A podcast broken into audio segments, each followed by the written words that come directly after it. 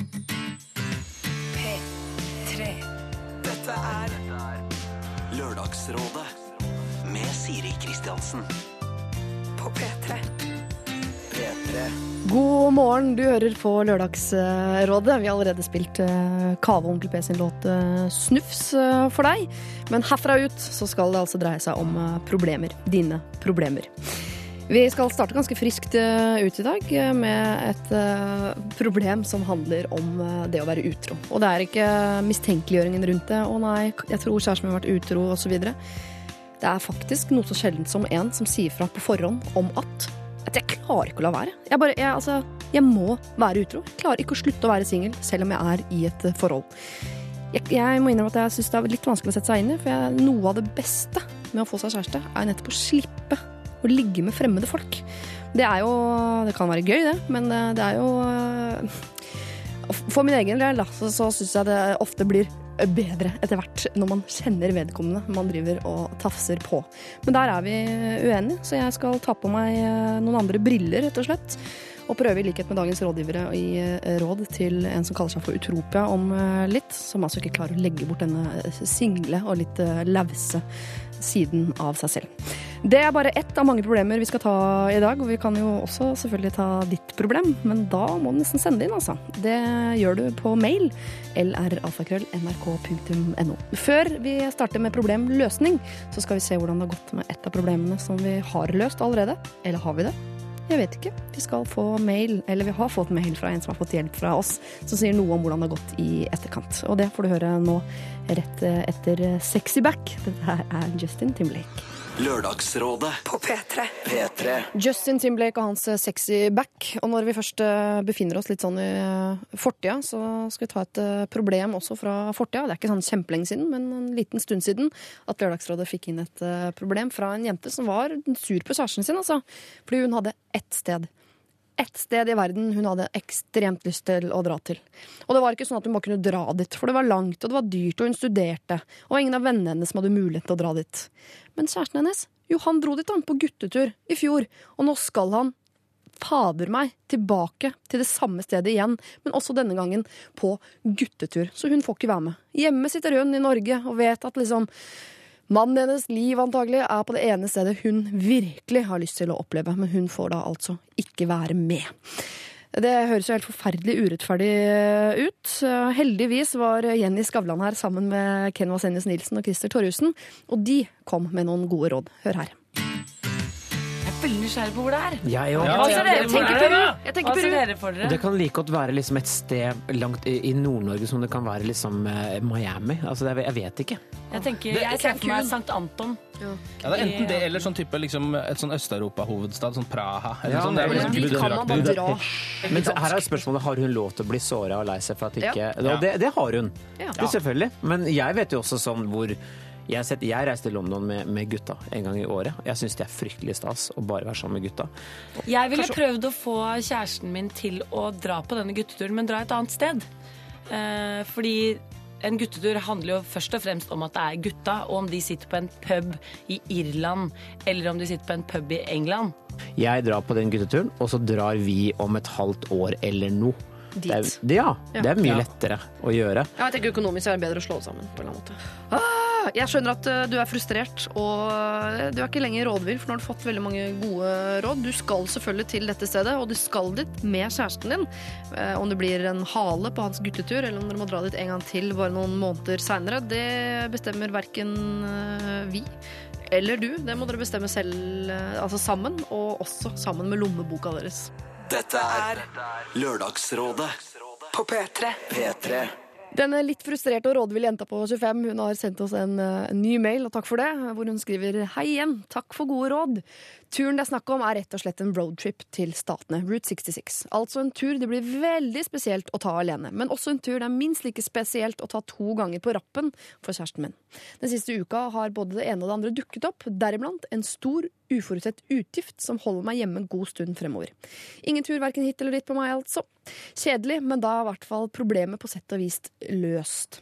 Selvsagt skulle jeg ha ønsket at det ble en annen eh, løsning, men på den lyse siden så kan jeg spille eh, Du har faktisk kjørt Route 66 uten meg to ganger-kortet i framtiden. Hilsen like frustrert, men ikke ikke lenger rådvill. Ok, det kom en litt eh, uforutsett løsning på problemet. Eh, men gode råd er nå uansett eh, gode råd, så om ikke hun fikk brukt det denne gangen, ja, så får hun bruke det neste gang. Og da er det som hun sier, dette kortet hun har på hånda med at han faktisk har vært der, det er jo enda sterkere, for nå er det fordobla.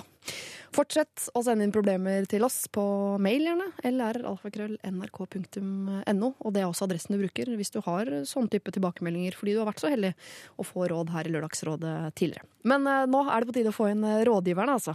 For eh, nå er det klart for eh, nye problemer. Vi har hørt Beloved eh, med Say Lulu, og før det Jubel eh, Klingan. Var det det ble vi skulle uttale det som? Det er Klingan. Det er jo fransk, og da må det sies på den måten. Eh, dagens rådgivere har funnet hver sin stol her inne i Lørdagsrådet. Og det er eh, Torkil Risan fra Mixtape. God morgen. God morgen, eh, alle sammen. Hallo. Ja, var det feil, det nå? Nei, det var veldig kult, liksom. Men det, okay. det er greit, det. Nei, sorry. Ja, ja, Jeg skal er prøve å jobbe med det. Du er yngre enn meg. Kanskje det er det dere driver med der nede på den alderen. Yeah. Lars Bærum, ennå yngre. Ja. Uh, fra verdens beste talkshow, Bærum i Beyer, som nå ikke går lenger, dessverre. Ja, ja, det er trist for hele Norge. tror jeg. Tror jeg. Det er et savn der ute. Kommer det en sesong to? Ja, jeg, jeg satser på det, da. Ja. Men jeg, vi aner ikke. Det går, det er sånn I NRK så tar det litt tid, akkurat sånne ting, så det vet jeg ikke ennå. Rett og slett. Nei, du får Jeg krysser fingrene, da. Ja, absolutt. Det skal gjøre det sjøl. Og uh, så introduserer vi en ny rådgiver, Charlotte Kvale. som, Jeg er du den eh, yngste her. Er du yngst? Ja. Hvor gammel er du? 29. Nei, 28. Han er jo 28. Stemmer. Jeg er 27. ikke fylt. Hæ? Jeg er 27. Å nei! Jo. Så eh, du trodde du var yngst. Men du ser kanskje yngst. Du ser ung ut. Det gjør du. Ja. Ja, jeg har også tippa sånn 24, nemlig. Tusen takk. Mm. Er det sant? Ja, faktisk. Bonus. Jeg blir alltid tippa veldig eldre, fordi at jeg er ganske sånn Moden. smart, sånn livserfaren. Jeg har, jeg har jo hodet da, til en eh, 80 år, gammel, 80 år gammel dude. Jeg tror heller det er størrelsen, for du er så massiv eh, menneske. Så da Ja, tenker man at du er gammel. Ta tid å vokse seg så svær. Ja, men det Du får ikke gjort det på 25 år. Ja, hvor mye spinat rekker man i løpet av 20 år? Liksom? Må er to meter. minst, eh, To ja, meter. to meter. Blank. Ja, to meter blank. Jeg trodde jeg var 1,98 ganske lenge. Opp til nylig så fant jeg da jeg vokste to meter. Eh, nei, ikke vokst to meter, men jeg har lagt på ja, lagt på meg, så jeg har blitt eh, akkurat blank tomhet. Du har lagt på deg i høyden. ja. Yes. Og så veier jeg, for å ta med det også, siden Ja. jeg er inne på det her, så Ja. veier jeg 98 kilo. Oh. Oi, mm. shit. Det går opp til to blank der òg. Ja, Eller én blank, da. ja. Mm. 0,1 tonn. Men du, i likhet med meg, velger jo å ha lue på inne i dag. Og min unnskyldning er at eh, jeg har ettervekst og grå hår, og mm, pinsetten har streika og de tingene der. Hva er din unnskyldning? Jeg kan jo ta av lua, selv om ikke det er så veldig radiogøy. Men eh, det her Ja, jeg ser unnskyldningen, ja. Ja. det, Jeg har jo en skamklipp ut av en annen verden. Oi. Ja, Så derfor eh, så valgte jeg lue, til, eh, sånn at ikke det skulle bli fokuset i radiosendingen. Hvorfor har du gjort det?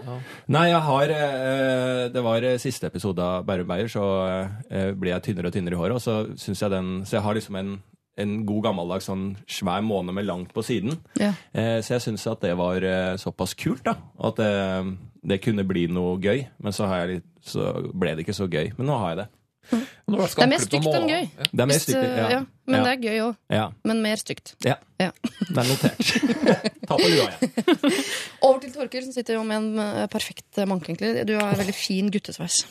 Altså, den er ikke sånn eh, det. Ja, er ikke Takk. sånn rockabilly-type til sånn wow, du sto opp to timer før jobben i dag for å ordne. Det ser mer ut, Men det er fint. Veldig fint, altså. Ja. Oi, tusen takk. Jeg bare suger det til meg.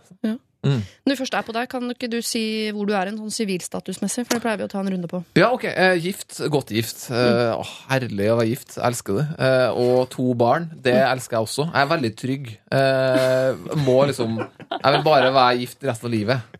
Er ikke det meningen, da? Jo, jo, men det altså, det er jo ikke så vanlig, da. Så jeg har tenkt å prøve det. Eh, og så mm, To barn syns jeg er perfekt. Ja. Du høres veldig ut som en sånn bikkjefyr. Og så har vi en uh, golden retriever. Nei, nei, jeg ønsker meg en dags, men uh, får kjøpt noe hus og sånn først. Få litt Ja. mer plass. Bo er litt trangt, vet du. Kommer du til å flytte tilbake til Trøndelag, eller? Nei. Nei. Helt, helt sikkert ikke. Jeg skal, men jeg må, ha, jeg må ha hage, og så må jeg ha Jeg må ha utsikt til noe vann. Eh, Det er lyst på. Må det være saltvann? Uh, ja Ja, helst. Syns det her er så rart. Aldri skjønt. Alle, plutselig når man eh, Jeg tror det skjer når man fyller 30, så er det sånn jeg må se sjøen. Til og folk som er født og oppvokst midt Ja, inni det- Folk fra Finnskogen begynner å si det når de er 30. Men det er faktisk en ikke. eh, fiks idé hos meg òg. Det er sånn plutselig Nei, nå har jeg, så det var et hus sant, hvor det var eh, utsikt til havet, så bare dette skal jeg òg ha. Og så er jeg sånn. Nå må jeg ha Er det det. noen som sitter og ser ut på havet får noe ut av det? jeg er veldig forelska i det sjøl. Og jeg har ikke blitt eh, 30, men jeg, men jeg har veldig sånn Jeg har sånn mystisk forelskelse i hav. Ja. Så jeg, jeg, kunne, jeg har veldig lyst til å være fisker. Ja. Eh, på sånn båt. Du er jo så ung. Du, er- du kan jo Jeg faktisk har mulighet til det, eh, og, og det har jeg lyst til. Og jeg er veldig fascinert av havet, så derfor vil jeg også ha en havutsikt en gang. Men du er jo to meter høy, så du har vel havutsikt nesten uansett hvor du er. Er det er det tidlig for å levere de punchlinene. Skal ha standup i kveld, så jeg sitter og fyrer av punchlines på bakrommet. Nei da, det skal jeg ikke. Eh, Charlotte, jeg hopper over til deg på sivil eh, status. Ja. Mm. Jeg er gift uh, med den samme mannen som jeg har vært kjæreste med uh, siden jeg var 15 år. Shit. Wow. Så det er ungdomsskolekjærester? Veldig bra fyr, da. Så dere har vært sammen i Hvor lenge har dere vært sammen da, Charlotte? Eh, siden jeg er 28 år, tenker du på? ja, jeg trodde du skulle røpe det nå. Ja. Eh, det er da vi har vært sammen i 13 år. Okay. Bra, Charlotte. Eh, Ja. Og hva mer mer har dere utrettet i løpet av disse 13 årene? Um, Sammen, altså, altså. vi har jo utretta et barn Oh. sammen. Ja. Em, jeg elsker òg barnet mitt, og elsker mannen min, og elsker livet mitt. Livet mitt er helt perfekt. Fy faen, for en kvalming. Jeg kaster opp. Det er derfor jeg sparer varsel til for jeg håper det kommer opp noe gult. Det er liksom ikke lov å si det, for du må si det ironisk, liksom. Men det er jo Du mener Ja, det men jeg var ikke, jeg var ikke ironisk, det bare var litt gøy. Ja. Og så går det jo relativt greit sånn på jobbfronten også for tiden, Charlotte. Ja, nå går det ganske greit. Det er litt Ja. deilig. Ja. Det slipper å ha panikk, liksom, hver kveld. Men Hva syns mannen din om at du er så mye sammen med Thomas Eriksen? Eriksen? Han skal drepe han når ja. låta har gått en gang. Ja, Mm. Så skal han drepe. Mm. Ja. Men, eh, så Thomas venter på det, da. Ja, men Det er alltid deilig å ha noe sånt hengende over seg. Ja. Men eh, hund, eh, hus Hun. Ja. Check. Ja. Eh, ny leilighet. Ja. Som jeg holder på å pusse opp. Oslo eller på Ja. Sørlandet? Elsker Oslo. Elsker å pusse opp. Shit. Positiv gjeng. Eh, Lars, skal du herpe idyllen med noe Eller er alt perfekt hos deg også, på sivilfronten? Nei, jeg vil ikke si at det er perfekt. Eller ø, på sivilfronten. Ja. Ja, eller jeg har jo eh, min bal balkanske kjæreste. kjæreste. Ja. Så jeg sa jeg kjæreste riktig? Det sier som jeg sier det, så det høres veldig bra ut hos meg. Ja, kjæreste. Kjæreste? Ja. Kjæreste? Kjæreste. Min balkanske kjæreste. Som Ja. jeg, jeg, jeg har snakket litt om eh, hun tidligere i Lørdagsrådet her. Og, eh, som vi lever i en, på en måte en sånn østeuropeisk eh, emosjonell tikkende bombe. Det er sånn forholdet vårt er. Det dunker, liksom, hvis du ser leiligheten utenfra, så er det sånn den pumper. den pumper i sånn rød, rødfarge, og så er det bare rosa skyer ut, og så er det lyn og torden, og så er det litt rolig. Så det går, eh, det svinger så jævlig mye her. Hvis forholdet deres skulle vært en matrett, er vi da på chili con carne? eller? Litt sånn rømme? Litt chili? Ja, chili con carne med en sånn overraskende, helt eh, chilifedd. Ja. som bare plutselig kommer inn i kjeften din. Ja. Mm. Så ja, jeg, men jeg er jo fornøyd med det. Jeg elsker det.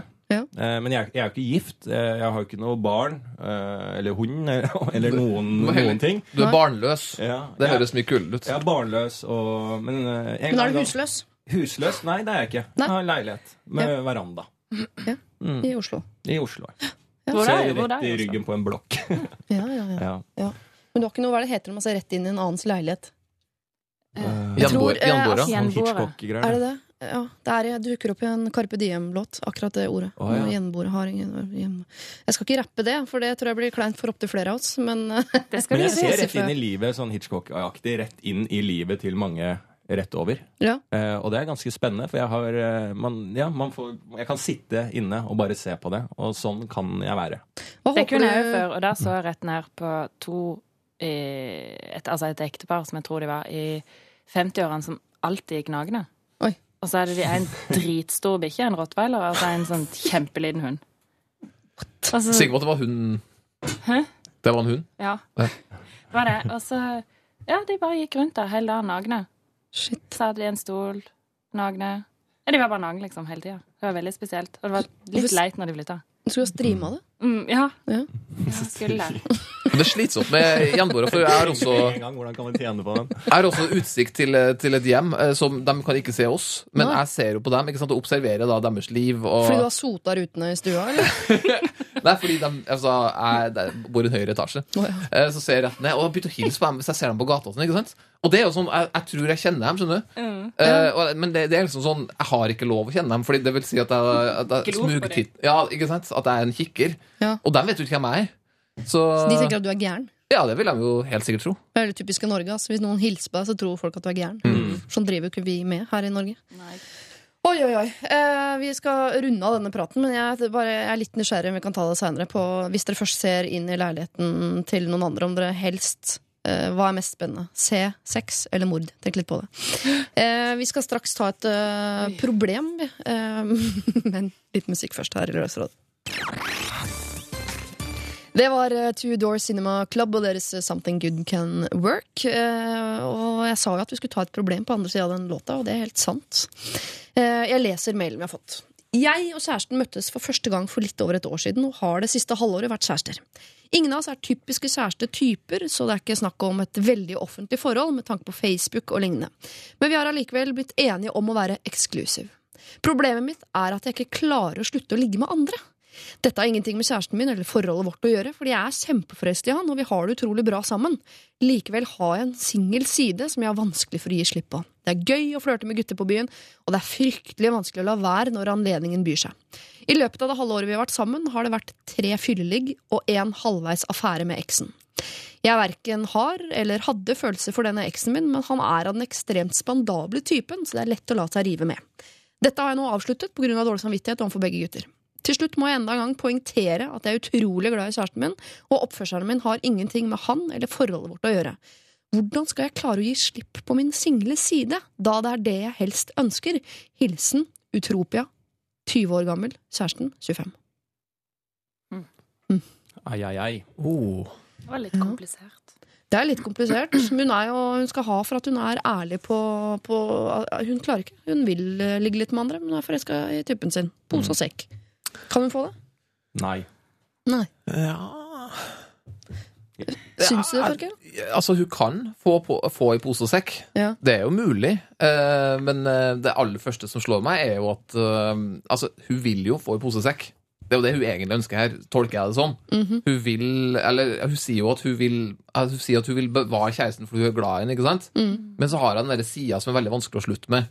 Så jeg foreslår jo Eller jeg, det beste for hun ville ha vært å kunne fortsatt med begge deler, men å kunne spille med åpne kort, kanskje. Å ja, Hvis- Håpe at han typen er en sånn, Hvis, ja, som godtar det. fordi det er mange som lever sånn. Ja. Uh, så det er det første som slår meg litt. Men da har du Hvor lenge var det de hadde vært sammen? De har vært sammen, et, eller vært eksklusiv, da, et halvt år. Møtte okay. hverandre for et år siden. Og hvis ikke hun har sagt det til nå, så er det vel fordi hun tenker at han ikke ville synes det var noe kult. Så da, jeg tror ikke hun kan få i pose og sekk med han. Men Nå. kanskje ikke hun har stilt det- ultimatumet nå? Mm. Hvor liksom eh, Er jeg sånn her? Eh, Jeg vil gjerne være sammen med deg, men hvis du skal, hvis du skal ha meg, eh, så, så må du dele meg en natt her og der. Mm. Det er veldig jo- moderne. Jeg hører det. Vi vet jo ikke om hun er villig til å dele andre vei, da. Nei. For det må man jo da være. Det kan ikke være sånn jeg skal ligge med folk, du skal sitte hjemme og vente. Mm. For det sier hun ingenting om, vel? Nei. Nei. Og jeg, jeg har ikke troa på at eh, Eller jeg, jeg kjenner flere som har eh, hatt den holdninga at eh, det funker å eh, eh, ligge litt rundt og ha det åpne forholdet. Tenker du på Tone Damli og Aksel Hennie? Ja, blant annet, De kjenner jeg ikke, Nei. men uh, jeg har mindre kjente, sånn, sånn offentlig kjente venner oh, ja. som har prøvd seg på det. Eh, og de har den holdninga at det går helt fett, og de er enige om det. Men jeg, fra utsida så ser jeg jo at det bare tærer på forholdet. Og til slutt så blir det, slu, uh, blir det slutt. Uh. Av en annen årsak, så de nekter jo fortsatt på at det har noe med at de lå rundt uh, og klina fritt, på en måte. Eh, men jeg ser jo utsida at det er det som ødela forholdet. Og jeg er veldig, jeg, blir jo, jeg får jo avsmak når jeg hører en sånn melding. Det må jeg også si, selv om det er litt sånn dårlig gjort når man sender inn. Ja. Eh, for jeg er veldig sånn hard på sånn uh, utroskap. Og det sa du forrige gang du var her òg. Du er veldig negativt negativ til utroskap. Ja, for det er, hun pisser bare på han fyren. Si det, la han Det er så dårlig gjort, da. Når han får beskjed om det der, så er det liksom rakne hele det halvåret. Liksom som Du har gått rundt og vært forelska i en dame, og så finner du ut at alt er bare bygd på eh, på piss. At hun har ligget bak ryggen din. Det er så dårlig gjort. Istedenfor bare å si det. Eh, At det er liksom sånn 'Jeg har vært utro', eller jeg, det her, mm, Vær ærlig på det, for jeg syns det er så dårlig. Men hvis hun stopper nå, da, for hun, vil jo, hun sier at hun vil bli kvitt den single siden. Hvis hun bare stopper nå og går liksom inn med begge beina og satser på kjæresten herfra ut, kan hun da bare la det halvåret som har vært nå, ligge og ikke si noe om det? Det, har ikke jeg så veldig troa på, altså. Nei, det. Det, det blir jo sånn toxic. Gift som bare ligger der, og så plutselig så, så blir det svovel, og så eksploderer det i trynet på henne. Man må, man, hvis, hvis hun skal satse på han, så må hun velge å gjøre det. Men jeg tenker jo at hvis, hvis nå, nå kjenner ikke jeg henne, men hvis hun virkelig hadde elska han, Ja. så hadde hun ikke følt det hun føler. Det tenker jeg.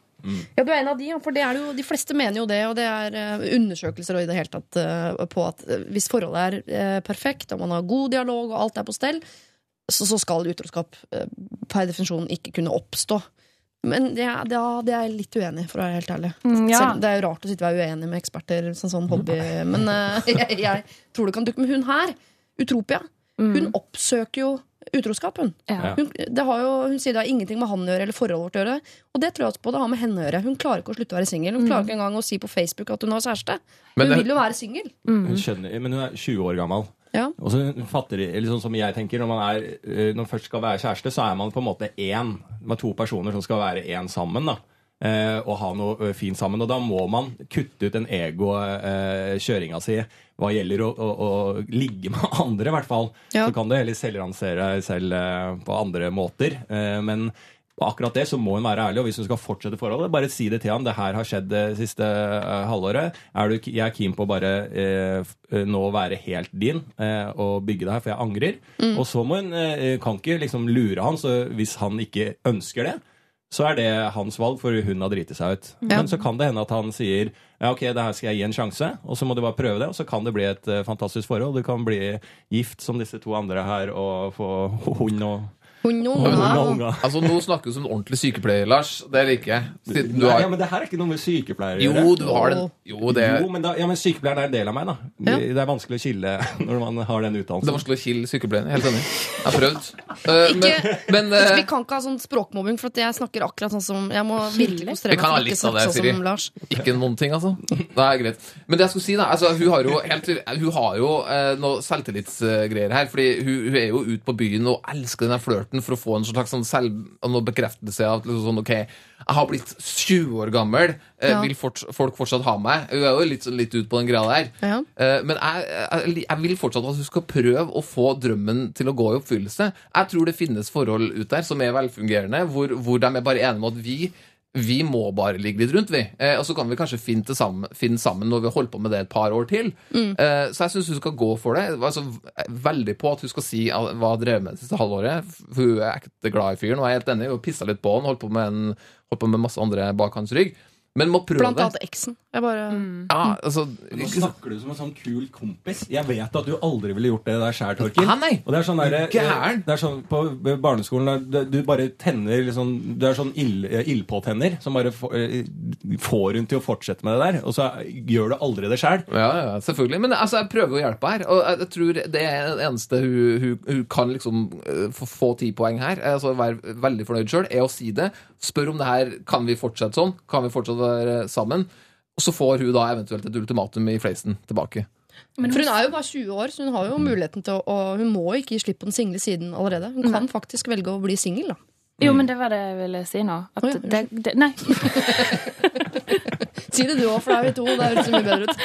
nei, men det, det går jo an, fordi det høres jo ikke Det høres ut som at hun sier at hun vil slutte sånn fordi hun føler at det, det er feil å være singel. Ikke sant? Eh, og så, så holder hun seg fast i dette her fordi det kanskje er det som ville vært riktig å gjøre i en sånn alder, eller hva vet jeg. Men, men det kan jo være at hun må være ærlig mot seg sjøl, da. Ikke bare han, men mot seg sjøl. Og kanskje ikke tida er inne til å ha en kjæreste, selv om hun er glad i han.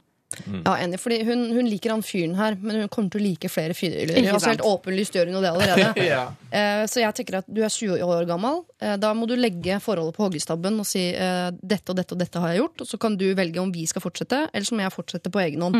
Og eh, i ditt neste forhold så må du jo enten da gå inn i et forhold som er helt åpent, hvor du kan fortsette med greiene der. Eller så må du vente til du finner en gutt hvor du ikke er interessert selv engang til et åpent forhold. Hvor du, han er så viktig for deg at ikke du vil ha den single siden. Fordi sånn eh, å ha i pose og sekk, og posen skal være skjult, men sekken skal være åpen, altså det, det går ikke. Nei, Nei, det er pisspreik. pisspreik. Men det som er perfekt, er at hvis hun finner et forhold eh, nå snart så hvor, eh, som, så hvor fyren er med på å være åpen, så kan hun jo gå tilbake igjen til han her. For hun liker jo å være sånn eksen. han, Ja. Så det er jo Du er helt på det der, du, altså. Ja. Nei, eh, ja, eh, jeg er helt på det. Jeg liker det. Men det jeg tenker også neste gang som en øvelse, da, så kan du jo eh, Du sier at du ikke er typisk kjærestetype, men du kan jo begynne med å gjøre det litt offentlig. Legge det ut på Facebook.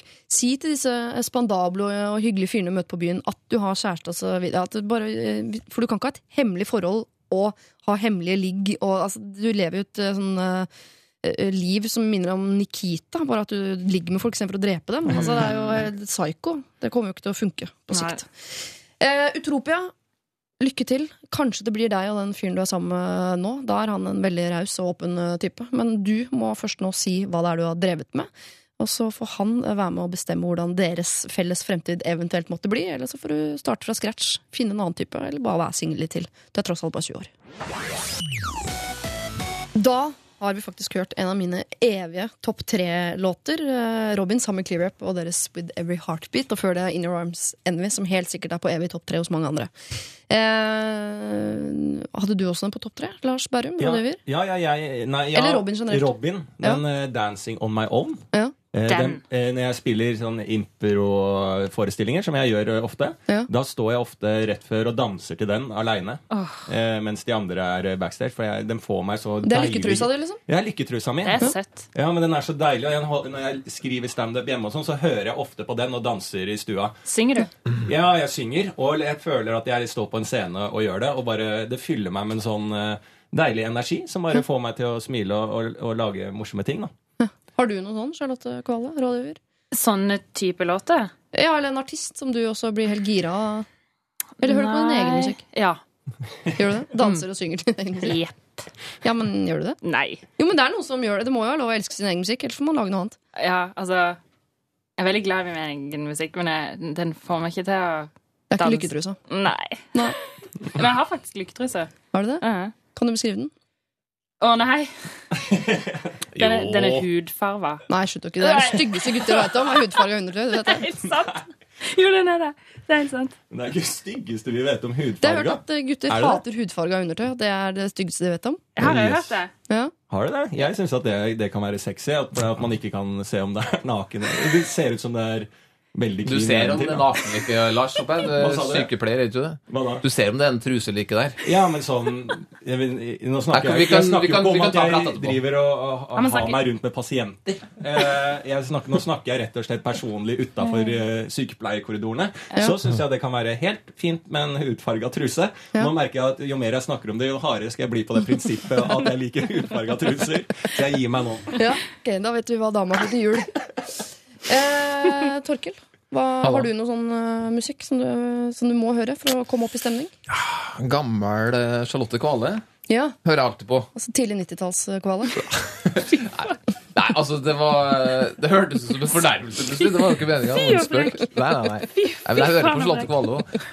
Hva, det, det, det, det er utrolig forskjellig. Altså. Og jeg går jo aldri ut på byen, så når skal jeg liksom gjøre det her? Eh, Jeg hører jo Var det spørsmålet? Før jeg går på byen, var det så? Nei, bare for å bli gira, liksom. For, for å bli gira, ja.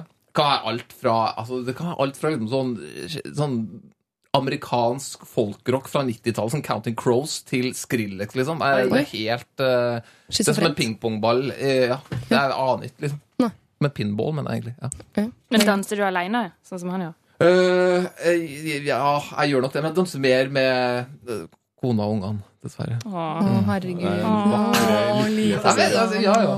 Sånn. Ja. Vi skal holde oss til lyd, men en lyd som er mer av den irriterende uh, sorten, Uh, nemlig snorking. Vi har fått et problem her om det.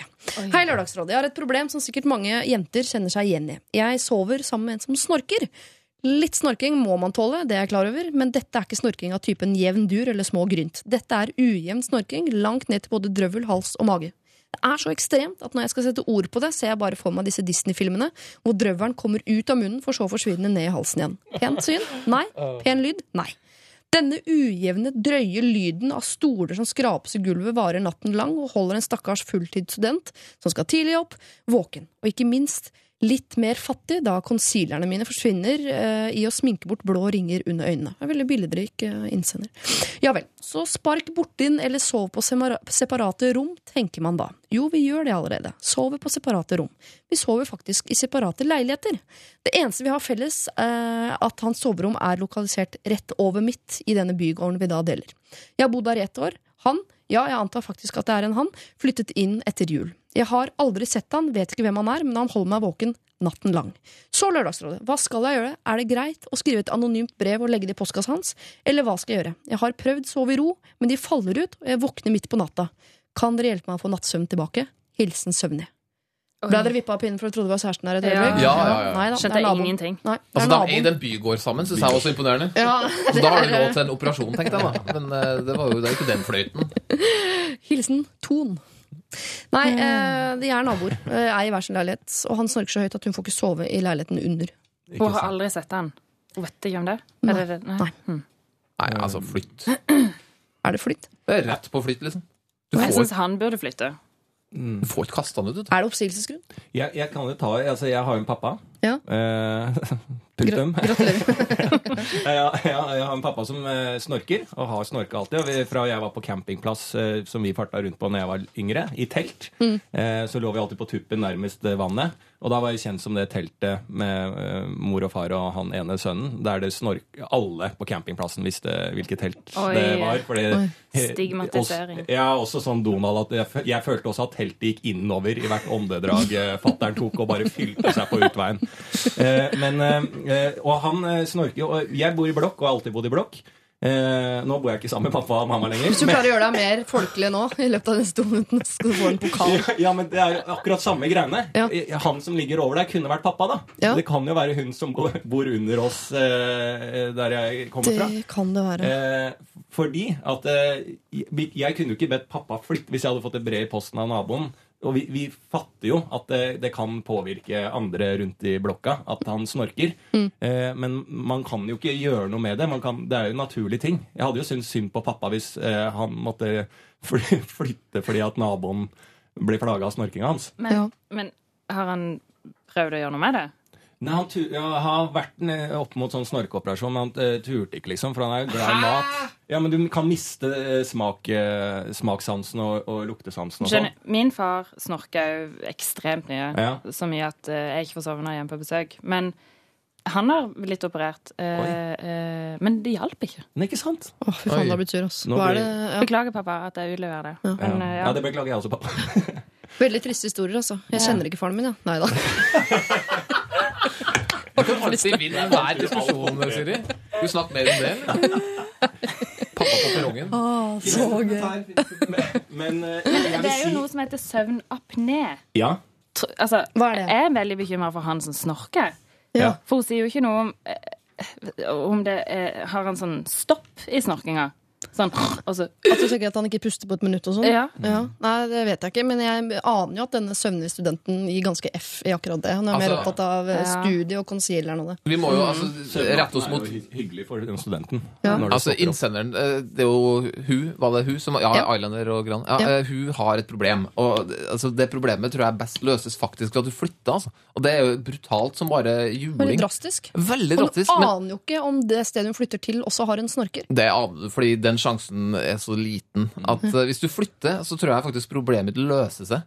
Eh, men det er jo Altså, man må jo sette seg ned og liksom, Det er jo dritt å flytte, liksom. Men, Men- eh, da får du sove, da.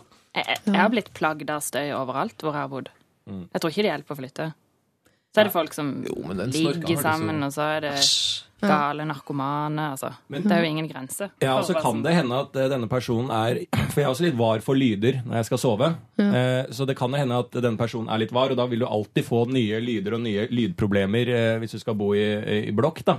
Og jeg tenker at det, hun kan jo jobbe litt med seg selv, og kanskje ha på litt radio eh, på kvelden. Og at hun kan gå også og finne noen løsninger for hvordan kan man best mulig takle en lyd. Meditere. Ja. Eller kjøpe sånn kolikk-CD-er. si, For det er jo noe med hvis du sovner til bråk, så kan du sove deg gjennom bråk. Så jeg tror Ja. hun, bare, hun må ha på noe sånn støy allerede i, det, i innsovningsfasen. Veldig vanlig er støvsuger, faktisk. Eh, Det har jeg lært av min gode venn Wayne Rooney, som er kjent for at han alltid måtte sove med støvsugeren på.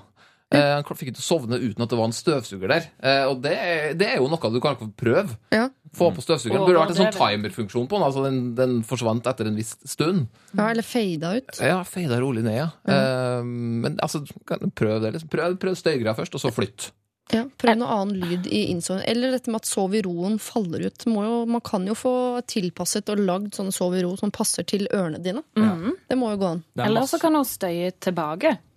Altså, Hun kan jo begynne å plage han. Ja, det gjør hun jo med den støvsugeren, for eksempel. Ja, Hvis du støvsuger hele natta hver dag, så kan også bli ganske irritert. Men gjør noe, noe verre enn det, tenker jeg på. Ja. Trykkbåremaskin, sånne ting. Ja. Slagdrill. Ja. Tror jeg jeg flytta for jeg tok et eh, slagbor inn i kåken. Altså. Fins ikke noe som heter slagbor. Slagdrill, da. Mm. Ja, ok. Men eh, da får ikke hun sove noe mer av det. For da må hun stå hele natta Nei, og finne ting å drille. Liksom. Da flytter han kanskje. Ja, han flytter, ja. Men i forhold til eh, Jeg, jeg har tinnitus, og det er Ja. veldig sånn mye der ute på markedet som jobber med å lage litt lyd og øh, øh, få det på en måte likt som tinnitusen og alt sånt. Så man kan jo jobbe litt ut fra hvordan man jobber med en tinnitus. Ja. At man øh, prøver å lage en litt sånn radiostøy som på en måte akkurat nøytraliserer den duringa fra snorkinga. Eller du kan istedenfor sånne øh, sove i ro, så kan du ha et deilig sånn headset. Disse nye headsetene der du bare lukker ut i lyd. Ja. Eh, Så det er jo litt muligheter eh, her, men det er jo ubehagelig å sove med. Men Eh. eggekartong i taket, da? Og jeg lager jo nesten sånn lyd Isolere med med Ja. noe eggekartongformet øh, vet ikke. Jeg syns i hvert fall det høres ut som hun har ganske mange eh, muligheter. Ja. Rett og slett. Som er mindre drastiske enn flytting. Ja, men hun er student, ikke dag Jo. Skal jo flytte lell. Ja, hun eier sikkert ikke. Bare Jeg vil ikke tro at hun ikke eier. For hun kan ikke selge pga. snorkeren. Nei. Nei. Men du Det- kan, du kan flytte Nei, ikke ha visning om natta, i hvert fall. Nei. Skal vi sette det som er kriteriet? Hvis du bare leier, og du uansett liksom er liksom sånn flyttete av deg, så kan du jo flytte selv om det virker drastisk. Men det kan være gøy òg. Kanskje neste nabo ikke snorker, men det er heit, og din fremtidige ektemann. Altså, det vet vi ikke. Eh, men hvis du vil bli boende der du bor, så må du ikke gi opp det Sov i ro-prosjektet. Det fins andre Sov i ro, andre liksom uh, innenfor der, som er spesialtilpasset, eller som øreklokke, eller i hvert fall et eller annet for å lukke lyden ute. Eller så må du uh, late som du er en kolikkbaby. Eh, Og få deg noe eh, white noise rett og slett inn i rommet. Eh, La støvsugeren gå, eller kjøpe bildur på CD, eller et eller annet. Mm. Du kan ikke gi opp den biten der bare vi har prøvd sov i ro. Eh, Du må prøve det litt mer, eller så må du rett og slett flytte, altså. Det var uh, vår venn, som jeg liker å si det, Pharrell uh, Williams, og hans uh, Happy. En låt man blir nettopp det av, for å være helt ærlig. Eh, dagens eh, rådgiver her i Lørdagsrådet er Torkil Risan fra Mixtape. Eh, Det er eh, Lars eh, Berrum fra ja, scener og skjermer og apparater rundt om i det ganske land. Ja. Er det lov å si det sånn? Ja. Og Charlotte Kvale, som har blitt eh, spilt mye av på P3, i hvert fall, og nå siste tida mest da sammen med Thomas Eriksen. Ikke sant? Mm. Dere er rådgivere, og vi skal inn i pelsproblematikk. Og det er litt spennende, for Jeg aner ikke hvordan noen av dere stiller dere til det, men jeg tipper jeg kommer til å skjønne det ganske fort. Jeg leser. For noen år siden fikk jeg en pels fra bestemor, nærmere bestemt en minkpels. Jeg klarte ikke å takke nei da, og jeg har ikke klart å kvitte meg med den siden. Den henger i leiligheten og stirrer på meg. Min bestemor er en dame som fort blir fornærmet og lett såret. Jeg er en feig pelsmotstander som plages langt inn i sjela av dette plaget. Skal jeg beholde pelsen? Skal jeg gi den tilbake? Skal jeg selge den? Skal jeg gi den bort? Skal jeg kaste den? Skal jeg brenne den? Skal jeg drukne den? Jeg finner ikke fred for å beholde den, heller ikke for å kvitte meg med den og såre bestemor. På forhånd takk for alle råd, med vennlig hilsen Minken. Hun heter jo ikke Minken, det hadde vært utrolig kult, men hun kaller seg det, da. Hva, eh, hva tenker dere at hun skulle gjøre med den pelsen? Altså det er, litt, er det ikke litt skummelt å uttale seg om sånne ting? Så kommer det folk og kaster blod på meg og sånn. Men jeg tenker at Ja. den fins jo Ja. allerede, den pelsen, som i at hun ikke har gått og kjøpt den ny. Altså, den, den fins jo, Det uansett. Det er, dyret er dødt. Ja, Ja. sikkert for lenge siden, siden det er bestemora sin pels. Mm. Så jeg frister til å tenke at er det, er det så galt å gå med den? Men som pelsmotstander så bør hun jo ikke bruke pelsen. Men hun trenger kanskje ikke å drukne den. Nei. Det har jo ikke noen hensikt. Nei. Hva vil skje da? Liksom, altså, Hun får ikke noe ut av det. For det blir jo rart eh, som pelsmotstander å bruke den Ja, men for jeg tenker Det er som med vegetarianer sammen. Du, vi hadde jo salami i kjøleskapet, så jeg bare døtta inn en pakke salami. Ja, men jeg er vegetarianer. Det går ikke. Altså, hesten var skutt. Ja. Hva, dette, her er folk veldig uenige ofte. Hva tenker dere, gutta? Nei, mot, uh, mot pelsindustrien. Eh, ja, uh, er jo det. Altså, men for å ta hennes problem her, så er jeg jo litt sånn jeg er jo enig. Det dyret er jo, er jo skutt og begravd for øh, 50-60 år siden, eller flådd. Eh, og, de, og det er sikkert flere dyr også, hvis det er en hel pels. Så, så jeg er litt sånn enig i det. Så du trenger ikke å drukne den, du trenger ikke å brenne opp. Det hjelper ingen. Fordi det blir bare for deg sjøl, eller bare for å liksom gni det inn til bestemora di. Du kan filme det og gi det til hun i 90-årsgave, liksom. Det, det, det er ikke pent. Men stuven bort innerst i, i skapet, tenker jeg. Eh, så, så, sånn, litt sånn kjedelig, flat mellomløsning. Fordi altså, jeg også hadde ikke gidda liksom, tatt opp den store kampen med en gammel bestemor eh, nå heller. Fordi det er liksom det, Noen mennesker er det for seint med, og veldig ofte bestemødre har jeg merka sjøl. At det, er liksom, det toget har gått, liksom. Ja. Eh, så, så, så det er ikke der jeg vil liksom retta skytset. Jeg ville jeg vil, jeg ikke gått med den, Fordi da er det på en måte Da, er da, da reklamerer du for, eh, for dreping av eh, minker. Men, Ja. men hvis du er veldig glad i bestemor si, for det må jo være siden dette er et problem, så, så kan hun jo gå med den kanskje en gang iblant når bestemora ser det, eller noe. I hvert Ja. fall ha henne hengende i ganga, sånn at bestemor blir glad. Hvis Ja. det er viktig for henne. Mm. Hun trenger ikke å kaste den for å bli rein i sjela, for vi vet jo at hun hater Ja. pelsbransjen, holdt jeg på å si. Altså Hvis du skal gjøre noe riktig mot pelsindustrien, sånn sett, så er det jo eh, ikke å gi den bort, eller selge den, for da, da er jo ikke problemet noe mindre. Da er det jo fortsatt folk som går der ute med pels, og gjør pels populært. Noe som gjør at flere vil ha pels, som gjør at vi da dreper flere dyr, og vi holder industrien i gang, på en måte.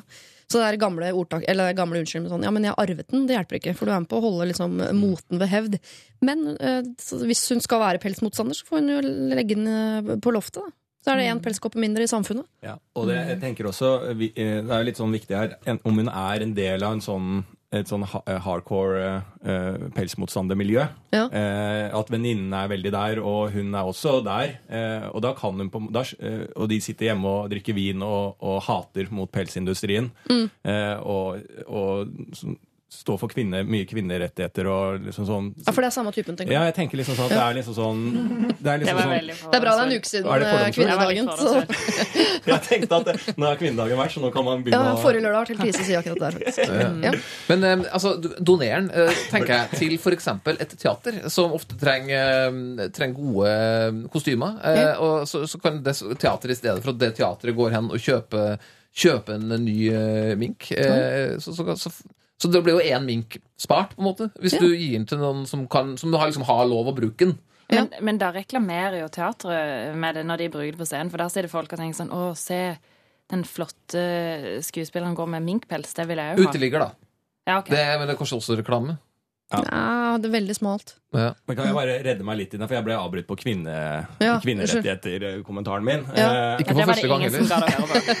Nei, men jeg tenker på Hvis hun er i sånn hardcore-miljø der det, eh, dette her er veldig viktig, så syns jeg at hun skal gjøre et statement ut av det, og Mm. faktisk drukne den. Og la, legge det ut på YouTube og fortelle historien. Jeg fikk denne av bestemor. Jeg er veldig glad i bestemor, men jeg vil bare eh, vise at verden har gått videre. Mm. Eh, at nå er det ikke 1940 lenger, da bestemor var ung og fikk denne i dåpsgave. Mm. Eh, nå er det nye tider, og jeg trenger å ta et oppgjør med det. Og dette har ikke noe med bestemor å gjøre, men det har med pelsindustrien. Og så filmer hun seg selv tenne på hele pelsen og si en eller annen sånn slogan på slutten, laster opp på YouTube, og eh, kjøre den greia si hardt. Det syns jeg kunne vært en fin måte å, å faktisk ha hatt et statement eh, som gir positivt inn på motstanden av pelsindustrien der ute. Men kunne også i åpningssekvensen av denne filmen, da, som jeg nå ser for meg eh, helaften nærmest, hatt det sånn Jeg er veldig glad i bestemoren min, med bilde av henne, kanskje bilde av de to på en benk, kose, ja. i en klem eller sånn. Med musikk og sånn. ja, masse musikk, fin musikk. Um, og så har hun et bilde rett etterpå med seg og masse sånn minkbabyer. Og hvor søte de er. At hun ligger Wow. naken på et gulv, og så er det sånn 200 mink som ligger og Ja. koser rundt og sånn. Ja. Det er veldig sterkt. Mm, og så bruker du den derre platelyden, vet du, når det, når det blir sånn hakk i plata-lyd. Ja. Og så over til sånn harde bilder fra pelsindustrien. Og dubstep Å, herregud. Og dubstep, ja. Jeg syns at, at det er fint. Men ellers, så hvis hun ikke er eh, så uh, motstander av dette her, så kan hun Jeg er helt enig. Spar på den uh, pelsen. La den henge, og så kan du heller ha det som en sånn arvegreie som bare ligger der for å, å minnes bestemor. Ja, for kanskje datteren din ikke, er, Ikke blir pelsmotstander. Men sånn, hvis jeg bare skal legge humoren på hylla et mm. halvt minutt, så tenker jeg jo også at Jeg vet jo ikke hvor gammel du er, Minken. Men det er jo en del sånne faser man går gjennom også, eh, som går over. Så det å pakke en minkpels eh, opp på loftet, for eksempel, eller ha sånn at den kan henge i gangen om bestemor kommer på besøk Fordi Kanskje når du er eh, 48, da, så er du ikke pelsmotstander lenger og er skikkelig fysten på en mink. Da slipper du i hvert fall å drepe 39 nye mink. Da kan du hente minkkåpa på loftet og bruke den. Kanskje hun går på jo- vinneren, da. Ikke sant? Om å Ja, kle seg sånn som de andre. og Ting kan skje. Ja. Livet endrer seg. Ja. Jeg tror kanskje man bare skal legge den til side, altså. Ja, Jeg har da møtt en og annen vegetarianer som plutselig Som jeg møtte på McDonald's en sen aftens. Altså, Mm. ja, man Mm. kaster noen sånne på bålet etter hvert. Enig i det. Ja, jeg er frista til å konkludere med mitt eget råd. jeg. Er det Jeg føler at det er det smarteste som er blitt sagt hittil. Så jeg er helt enig i det. Jeg, trenger, jeg, jeg føler meg ikke noe fornærma at ikke dratt ut noe av mine ting her.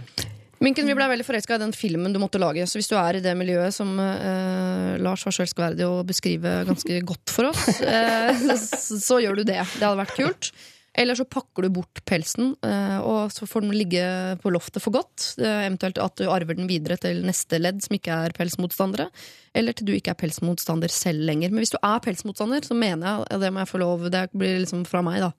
Eh, ikke gå med pels bare fordi du har arvet den. Fordi eh, Da kan du ikke kalle deg pelsmotstander, for da er du med på å holde industrien i gang. Altså. Jula går, osv. Eh, Minken, takk for at du sendte inn eh, problem. Det må gjerne flere av dere også gjøre. Da bruker du mailadressen vår, som er lralfakrøll.nrk.no.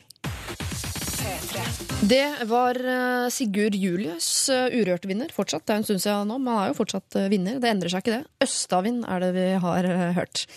Vi skal lenger lenger ned. Vi skal til USA. Ta et problem eh, derfra. eh, sammen med dere, dagens rådgivere. Eh, Torkil Risan fra P3s egne eh, korridorer og ganger.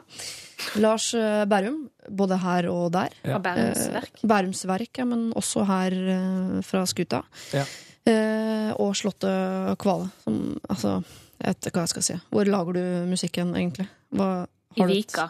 I Vika, ja. Har du eget studio, eller deler du med andre? Nei, det er jo Thomas sitt studio som er der. da. Så du bare jeg... låner leaser? Ja. Vennetjeneste? Mm. Det sier, altså, skjønner du hvor lite jeg kan om musikk? Ja. Eh, altså, Skinner det gjennom? Til en viss grad? ja. Ja. Du er flink til å vise det Ja. Fritte det ut. Ja da. Ja.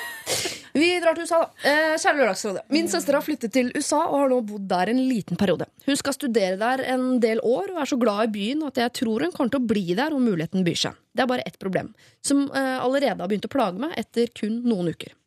Hun sender så mange Snapchats, legger ut masse på Instagram og Facebook om hvor perfekt alt er. Her bor jeg, her er utsikten, her er meg med duckface, dagens shopping, dagens sushi, alt sett gjennom et knallrosa filter. Hun går jo på skole også, men det hører vi aldri noe om. Det er Snapchats etter Snapchat med rosa lepper som former et duckface som enten viser dagens outfit, middag eller bare en selfie, og alt er perfekt, og jeg blir svett. Jeg vet hun ikke er sånn på ordentlig, for når vi er sammen, så er hun morsom rar, dasser rundt i joggebukse med håret, håret i en ball og ler av alt vi snakker om. Hun er så ekte, så hvorfor må hun fremstille seg sånn for meg og alle andre? Jeg leser ikke rosablogger fordi jeg kaster opp bare av tanken, men jeg får min daglige dose gjennom min søster. Hvordan skal jeg holde ut med dette i årene framover? Jeg er jo svett allerede. Greia er heller ikke at jeg er misunnelig, jeg hater store byer, og jeg er heller ikke glad i uteliv. Jeg er bare så lei av at så mange skal fremstille seg selv og livene sine som perfekte, når de mest sannsynligvis ikke er det. Takk for alle råd. Dette er jo nå, folkens, sitter vi jo på muligheten til å gi råd til ikke bare søster, altså, men til en hel generasjon der ute. Bare så dere er klar over det. Du hadde tenkt å begynne, Torkil. Nei, det må du fortsatt gjøre. Ja, altså, jeg er jo Jeg må bare si at jeg er jo akkurat der innsenderen er, jeg, da. Jeg er jo veldig Jeg er jo av sosiale medier, har alltid vært, egentlig. Jeg på Facebook, liksom. Det er det jeg driver med. Eh, Så altså, jeg er ikke jeg bare observerer at, eh, at folk driver med det, og jeg vet at det er mye, mye mer vanlig å være på enn å være av. Eh, Men jeg deler jo det til felles at jeg syns det er slitsomt å se Eller sånn å Jeg bare merker at det er et sånt stort Uh, altså et, stort univers ut der som jeg liksom ikke er en del av i det hele tatt, som, som, blir, som er viktig. da. Uh, så, så hva skal jeg si? Altså, hennes råd rådet mitt, det jeg ville gjort, er jo å med en gang få en tone med søstera hvor hvor jeg kan erte for det. Ja. Altså, du, må, du, må, du må lage en bro her. Du må, liksom, du må nærme deg den, den delen av hennes personlighet på en eller annen måte. Og humor tror jeg er det beste. Ja. Så, så hun, hun bør ha et selvironisk eh, altså, tilnærming til det sjøl, tror jeg. Eh, Siden hun er helt annerledes på privaten, eller sammen med familien. Ja. virker det som. Så det, jeg ville begynt der. Jeg ville begynt med litt sånn, litt, sånn, litt kødding, litt erting på det. Så kan du liksom etablere det er det, det, er det forholdet jeg har til søstera mi og hennes sosiale medievaner. Jeg vet ikke hvem som er storesøster og hvem som er lillesøster, men jeg får bare inntrykk av at innsender er storesøster. Ja. Eh, og det har faktisk litt å si òg, men eh, i og med at vi ikke veit, så skal jeg ikke ta med beregninga. Jeg henger meg også litt opp i akkurat det.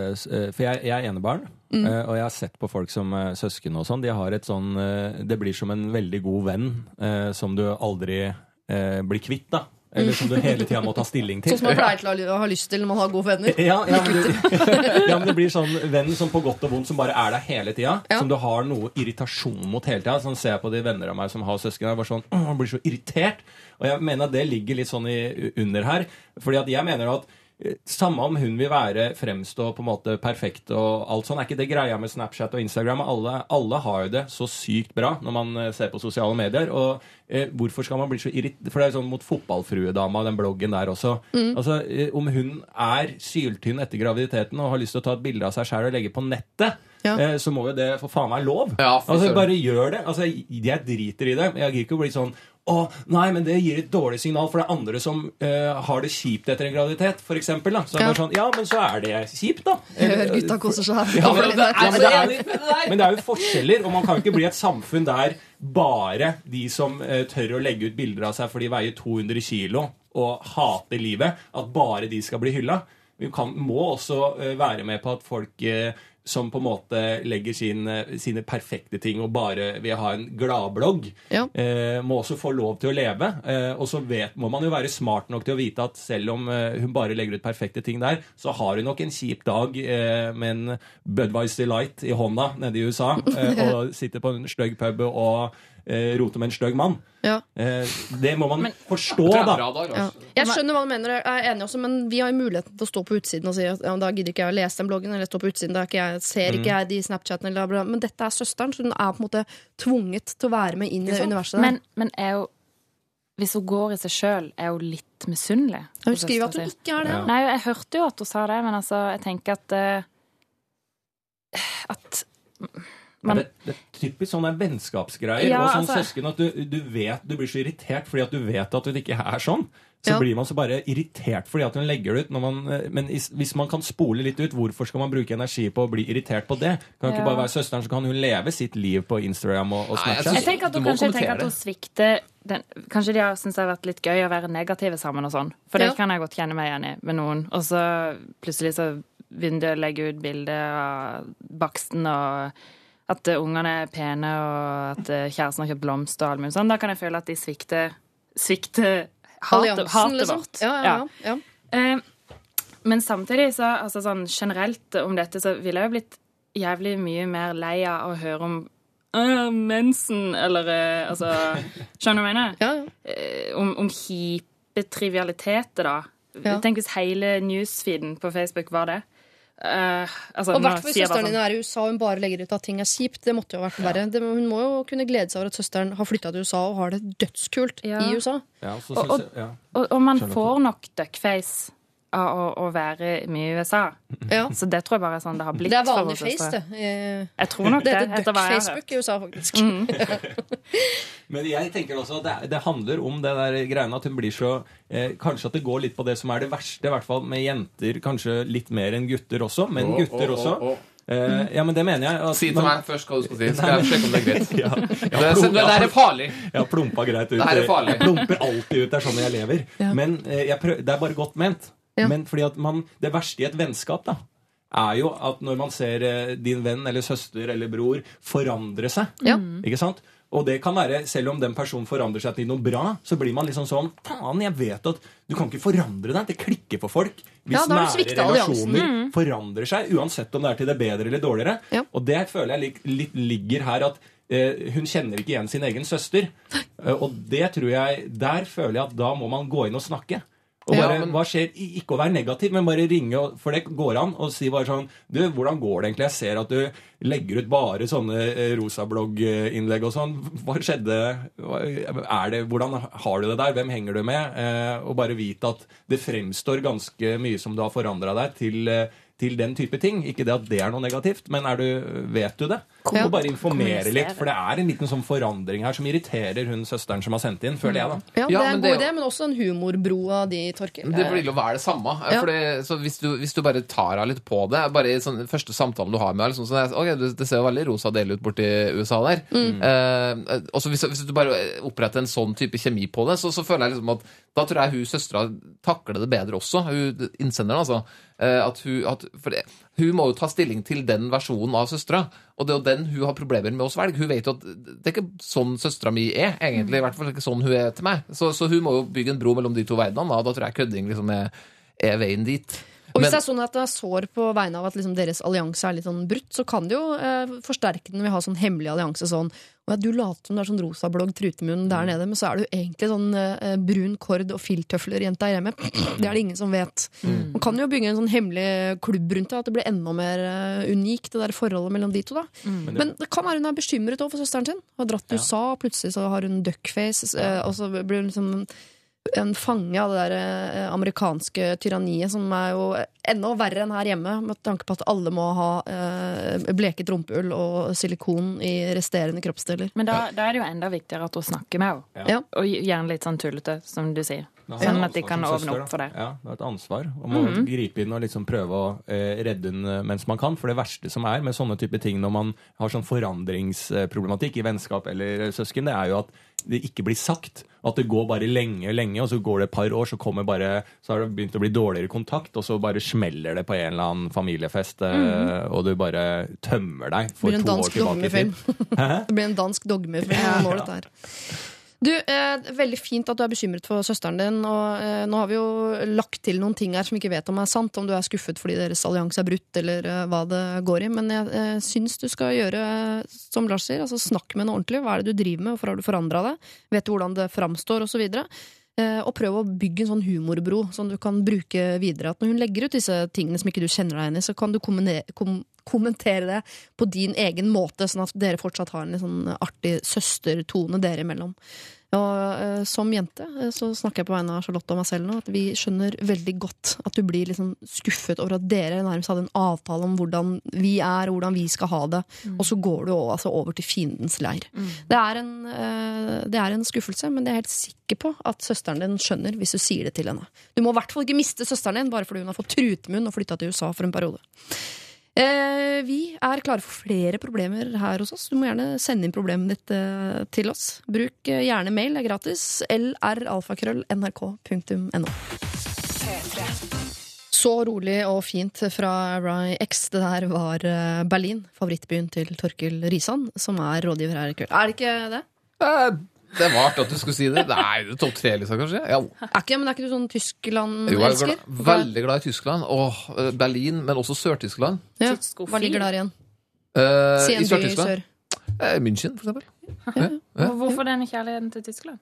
Eh, familien til kona er sånn delvis tysk. Og så er det Berlin er jo en helt vill by, men altså Sør-Tyskland er, er Frankrike, egentlig. Altså Ja. Det er som Frankrike, bare at det er tysk, så du får, liksom, du får bedre kjøtt. Du får bedre øl.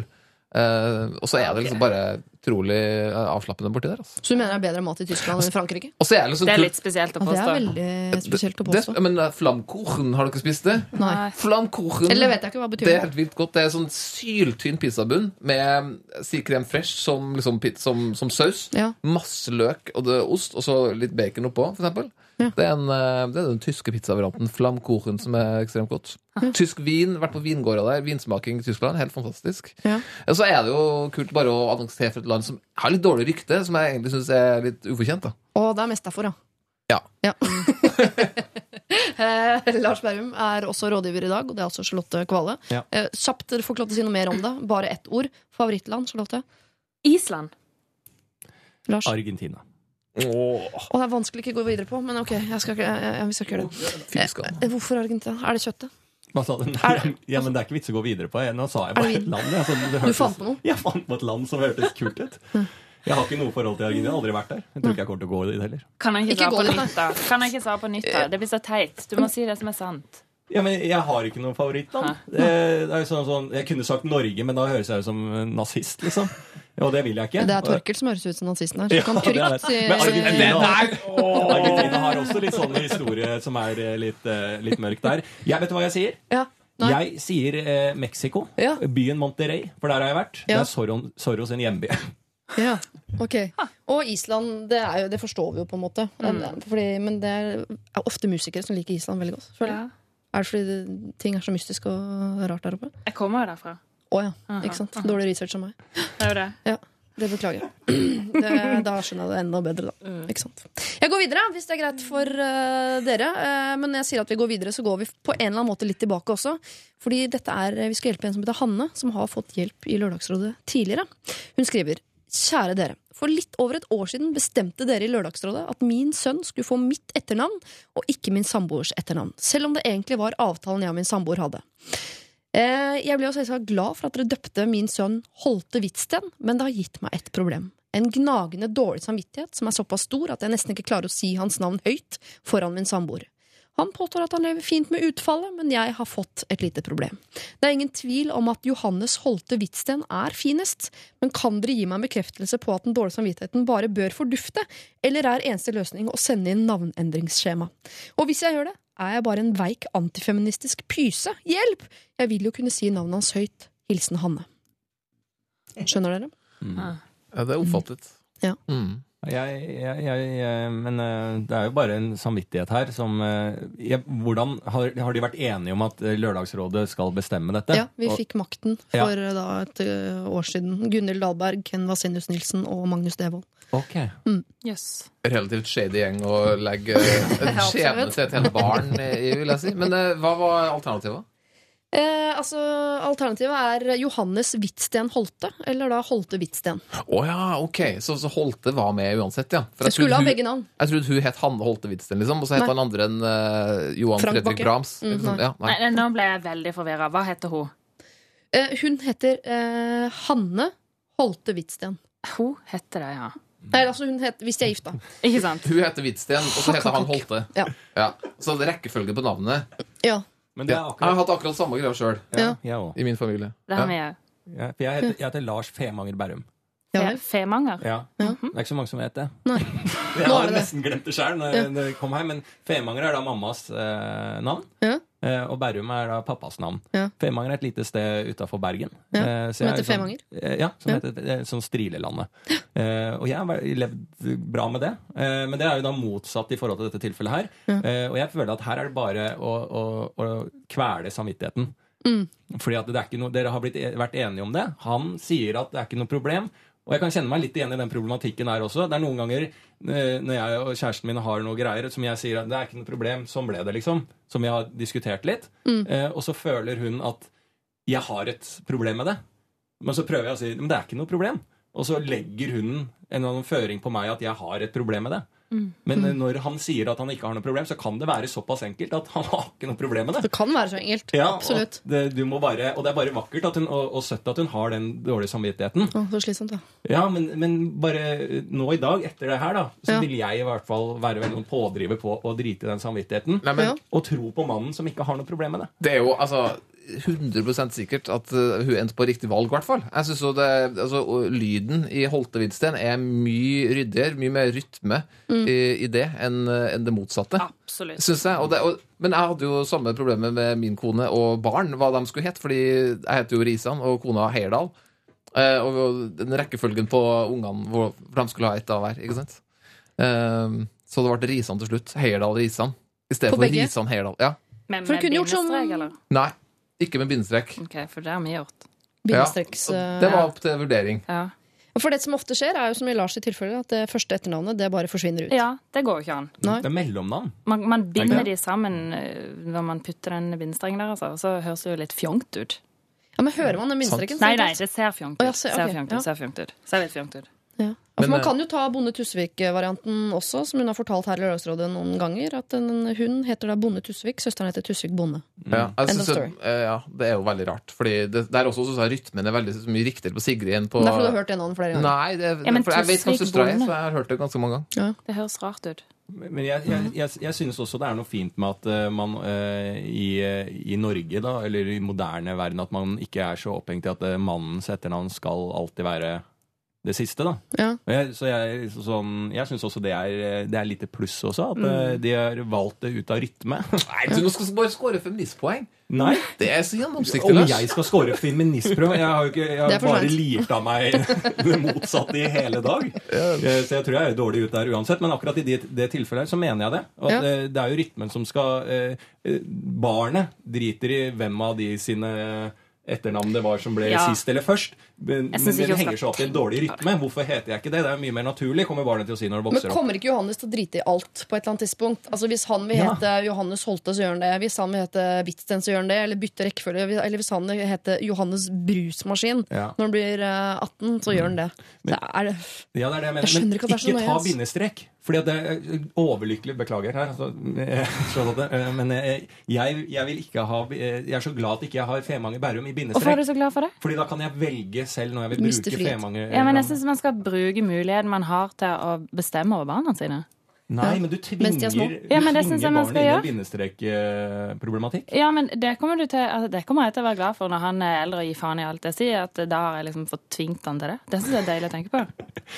Man kan jo droppe det. for det, men da må man være enda mer trassig. Det er Men jeg tror ikke han gjør det, for jeg kommer til å sette meg ganske mye respekt. Så jeg tror ikke det. Eh, Men hvordan, ok, Hvis vi flytter problemet litt, da. Hvordan skal hun bli kvitt dårlig samvittighet? Hvis hun skal fortsette å holde på den? Fordi jeg mener Det viktigste argumentet her er at uh, Lørdagsrådet har vedtatt at barnet deres heter Johannes Holte Hvitsten. Og da blir det sånn, men da må hjelpe henne å bli kvitt den dårlige samvittigheten. Hvordan blir man kvitt den, da? Men Er det som har noe grep der? damer har ikke damer ganske mye oftere dårlig samvittighet. Nå er det vi som generaliserer her. Ja. Men har vi ikke litt Jo. Vi er litt oftere plagd av det. Jo, det tror jeg. Hva er det, da? Altså, hvor, hvor faen kommer det fra? Hvorfor er vi sånn? Jeg tenker at uh, Det er jo ikke noen grunn til at hun skal ha dårlig samvittighet i det hele tatt. Nei, for det er vi, altså det er Lørdagsrådet som har bestemt. Ja. Eh, De ble enige om å legge det i våre hender, og Ja. han sier at det ikke er noe problem. Så dette er jo i Hanne Holte Hvitsten sitt hode. Ja, men, altså, det er jo umulig å gjøre noe med, egentlig. Hun må jo bare slutte, for alle er enige om at det er en- Flytt! Flytt, ja. Slutt å røyke! Altså, Ja, men- samme men- greia. Det er best Det er best sånn. Alle er enige om det, tipper jeg. Som, eh, altså alle i Lørdagsrådet, i hvert fall. Ja. Så, så kjør på, liksom. Og hvis hun sender inn navneendringsskjema, noe du ikke skal, er hun Nei da da. en veik antifeministisk pyse? Nei, men Har ikke noe med feminisme å gjøre. Nei.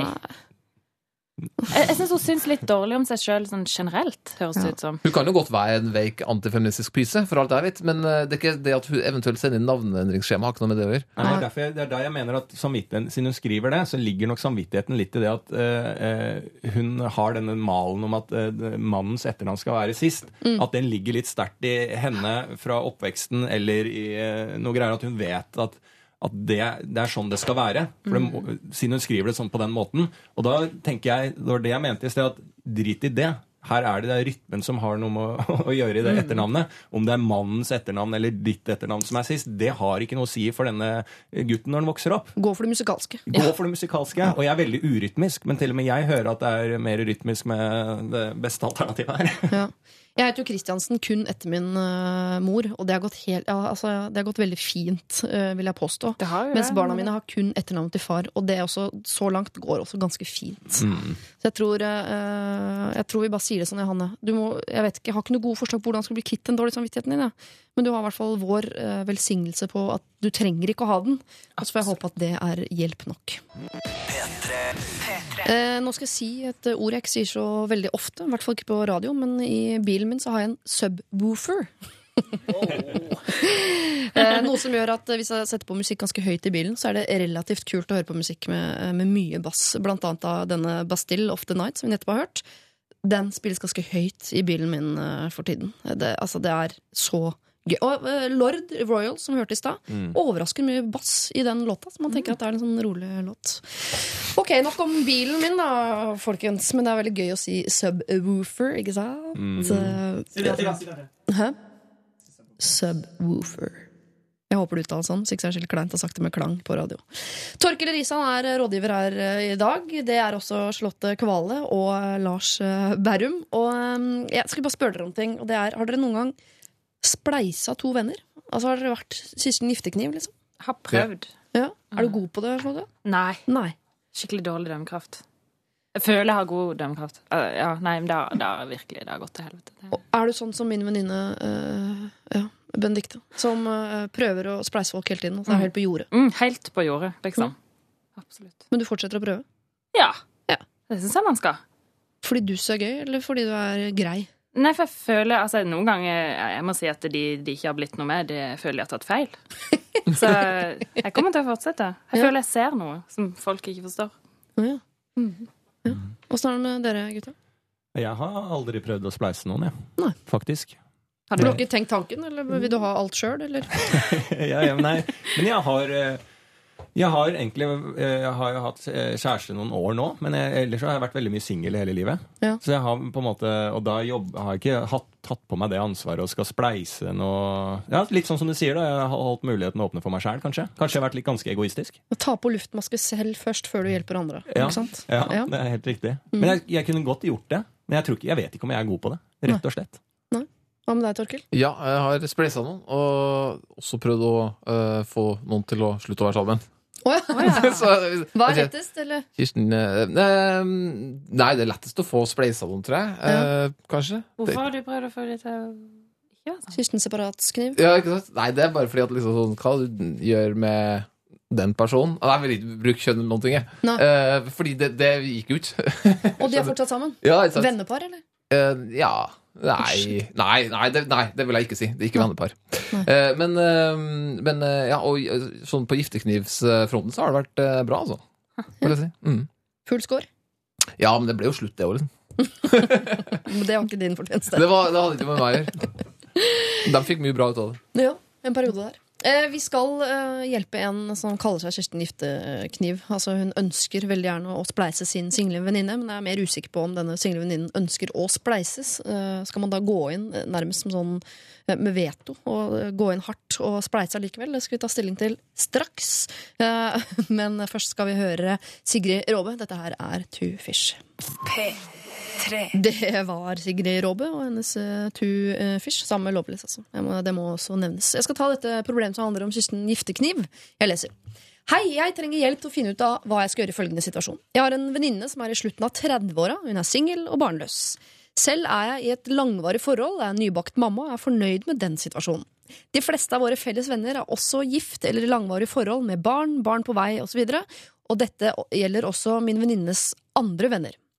Problemet her er at min venninne sliter og gir tydelig uttrykk for at hun er deprimert over hele situasjonen. Hun vil så gjerne finne mannen i sitt liv, og få barn hun også, men, har, men har ikke vært i et seriøst forhold på mange år, og har heller ingen mann i sikte. Venninnen min, venninnen min er pen, utrolig snill og smart, har en bra utdannelse, god jobb, egen leilighet, alt det der, og jeg skjønner i grunnen ikke hvorfor hun er eh, singel når hun er en så bra dame. Jeg har tidligere prøvd å introdusere henne for mine single kompiser, men det har ikke vært noe klaff der. Jeg har også oppmuntret henne til å teste nettdating, men det har hun testet og syns det er for kleint. Ettersom jeg har et spedbarn for tiden, har jeg ikke muligheten for å dra henne med meg ut på byen for å jakte på menn. Kan jeg gjøre noe for å hjelpe henne her, eller må jeg bare overlate det til skjebnen og håpe at hun finner seg en mann etter hvert? Jeg får vondt i hjertet av å se henne så ulykkelig. Hilsen wannabe Kirsten Giftekniv. Mm. Mm. Hun har jo prøvd allerede, men hun vil jo ikke venninnen være på nettdating, for eksempel. Hun høres veldig snill ut, da, hun her. Veldig Hun her, ja. ja. Jeg får lyst til å bli sammen med henne sjøl, vet du. Bare for å være ålreit. Venninna? Ja. Ja. Hun har egen leilighet og god jobb. Ja, ikke sant? Men jeg føler jeg kjenner den type Jeg føler jeg har noen eh, som passer veldig godt til den beskrivelsen sjøl. Altså. Og jeg, jeg, kjenner liksom den, jeg kjenner på den samme følelsen som innsenderen her. Ja. Du har så lyst til å liksom bare ordne det for dem. Ja. Eh, Men så er det jo, det er jo deres ansvar, og det er jo oppegående folk. Så, det, så man skal liksom ikke, skal ikke dytte dem for langt ut på isen. Eh, Man skal liksom holde litt avstand også, tenker jeg. da At mm. de er jo skal, skal man liksom ikke Det blir veldig patroniserende å drive og eh, hele tida skal matche dem. Okay. Patroniserende er det samme som bombarderende? Patronizing. Oh, ja. Ja. Du skjønner det på engelsk, men ikke på norsk. ja, det er noen ganger det blir lettere, faktisk. Ja. på, ja, ja, ja, ja. Ja, Kan man det- si patroniserende på norsk? Ja, ja, ja. Det ser ut som å skyte noen. Ja, for det er det jeg også tenkte, at det var Patron. bombarderende, som at, liksom, ja, man skyter. Men det er jo eh, nedlatende, da. Ja. Ja. Skjønner. Eh, tenker du på Ken, forresten? Uh, nei, Uh, det er et håpløst uh, prosjekt. okay. Ja, Det skal jeg aldri begynne med. Nei. Men er det fordi hun er singel i seg sjøl, Mm. eller er det fordi at hun er i ferd med å ramle helt av det toget som går, eh, som alle andre er med på, med for barn og Slutten av 30-åra, da er det jo liksom Ja, det er jo det, er jo det hun er redd for. Ja. Denne venninna. Ja. Mm. Og hun har jo selv uttrykt at hun er deprimert over hele situasjonen. Så hun har jo helt tydelig uttalt at hun vil ha kjæreste og barn. Hun vil på, være på det toget. Ja.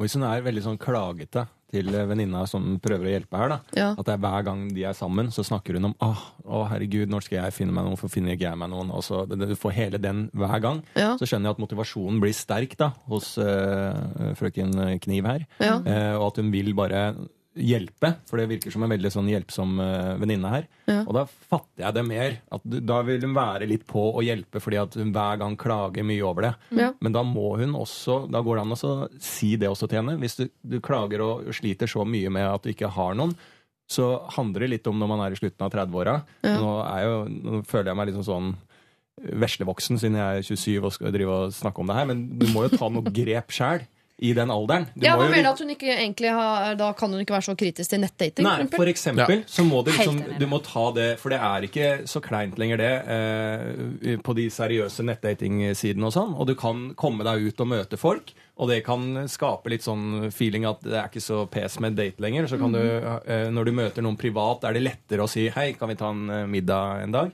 Så alt det kan skape en positiv effekt, for du må i slutten av 30-åra så må du legge inn støtet eh, og ikke ende opp på eh, den brune puben.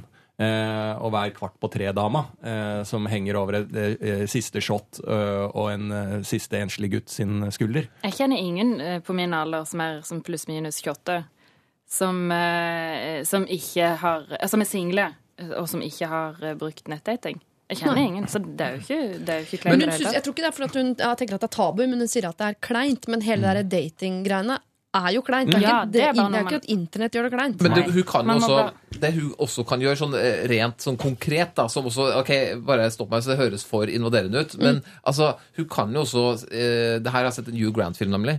Eh, altså at hun hele tida inviterer på middag, og så, ha, så er det et par så er det et par menn der som, eh, som hun gjerne vil liksom sjekke kjemien med, da, uten at det trenger nødvendigvis å være noe sånn det her er en, eh, en, et blindt stevnemøte, så er det jo eh, så, så er det i hvert fall sånn, eh, et middagsselskap med noe potensielle bailere kan jo være en mm. aktualitet. Men da må man jo kjenne veldig mange menn. Bor de i en liten by, for eksempel? Vet vi noe om det?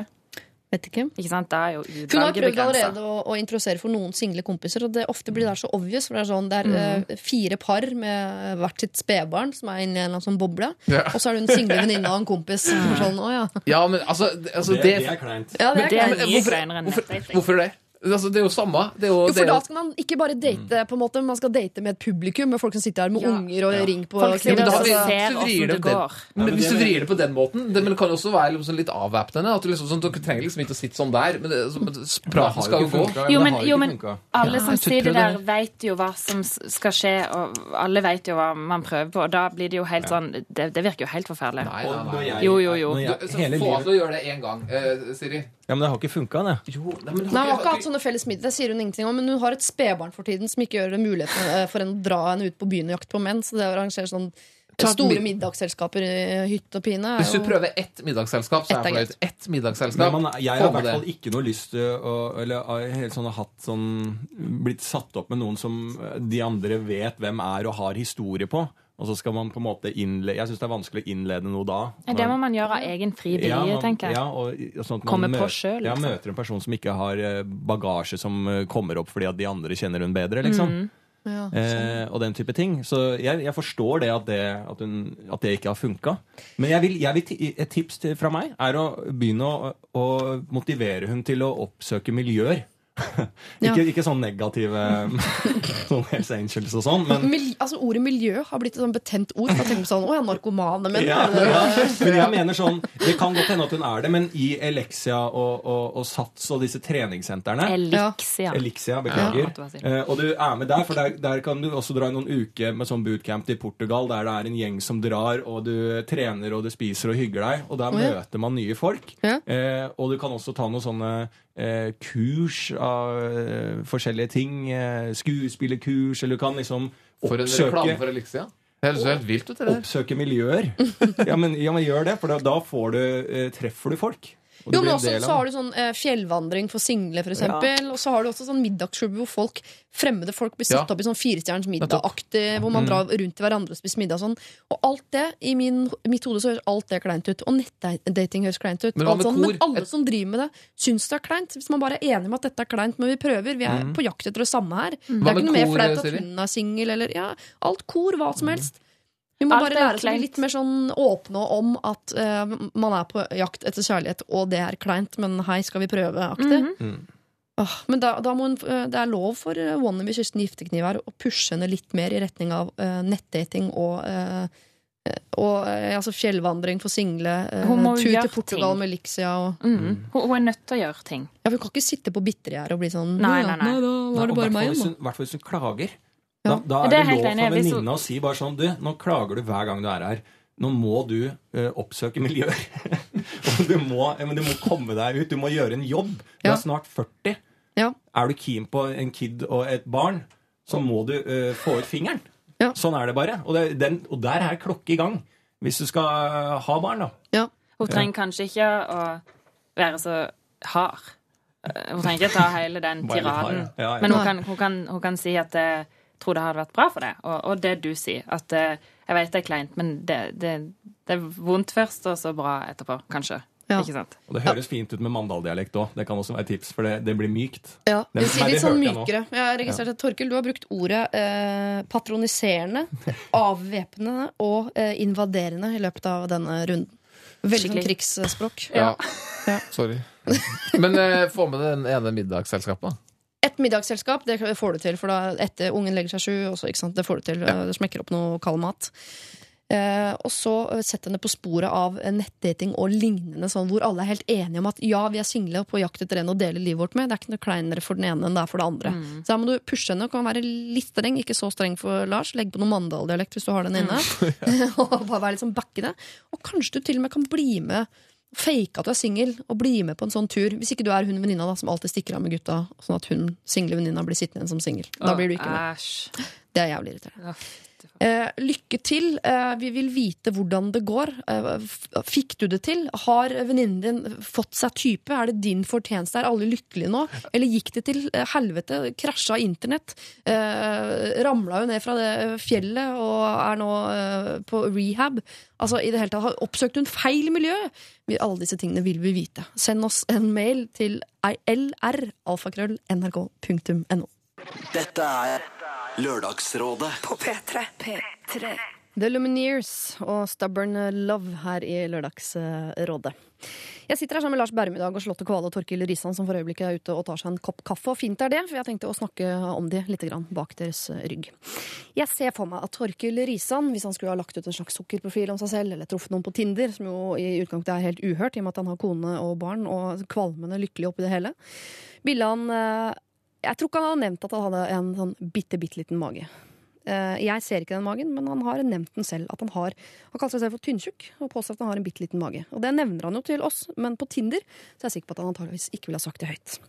Charlotte Kvale ville nok antageligvis ha påstått at håret hennes var enda lengre og enda blondere enn det faktisk er. Hun har nydelig langt, lyst eh, hår og er en eh, vakker frøken, men jeg tipper på Tinder så hadde hun sagt at hun hadde tre meter kritthvitt, tjukt, bølgete, vakkert hår. Akkurat som den prinsessen i Disney-eventyret, vet de. Ganske sikker på det.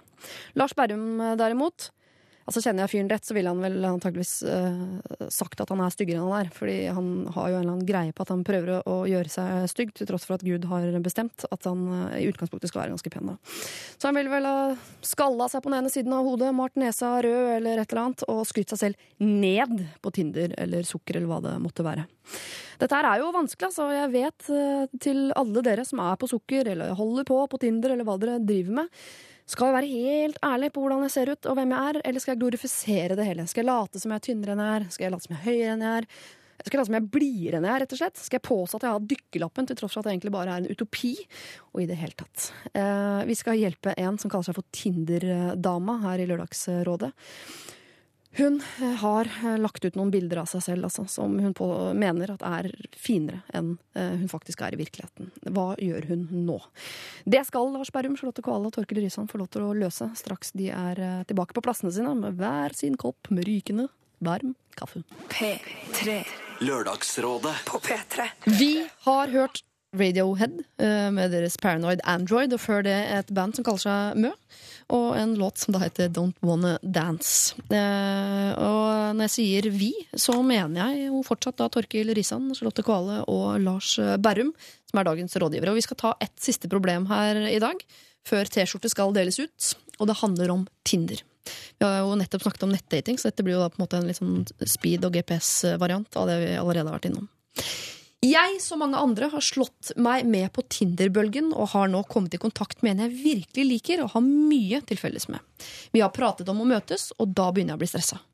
Alt vi har sett av hverandre, er fem bilder, og alle vet at bilder kan lyve. Mine viser helt klart ikke de fem ekstra kiloene jeg har på kroppen, og er livredd for å møte denne mannen, som på papiret kan være mannen i mitt liv, hvis ansiktet hans øh, tydelig viser skuffelse når vi ses. Jeg vet jo at utseendet ikke er alt, men når ha, uh, alt han har sett er fem heldige bilder av meg, er det jo ikke rart om skuffelsen er stor om virkeligheten er noe annet. Skal jeg likevel ta sjansen og risikere å måtte ligge gråtende i fosterstilling ut året? Det er til å si i mars. Hilsen Tinder-dama 89. At, altså, øh, hun tenker jo ikke på sin skuffelse over at han kanskje er noe annet enn det han utgjør seg for. Hun tenker kun på at hvis han blir skuffet over henne, da må hun gråte ut 2014. Skal hun ta sjansen? Altså, hva er alternativet? Ikke ta sjansen? Ja, ikke sant? Hva har du drevet med da? Ja, for det virker jo helt rart når du sier jeg, har vært på, jeg er på Tinder, og så snakker vi om å møtes, da blir jeg stressa.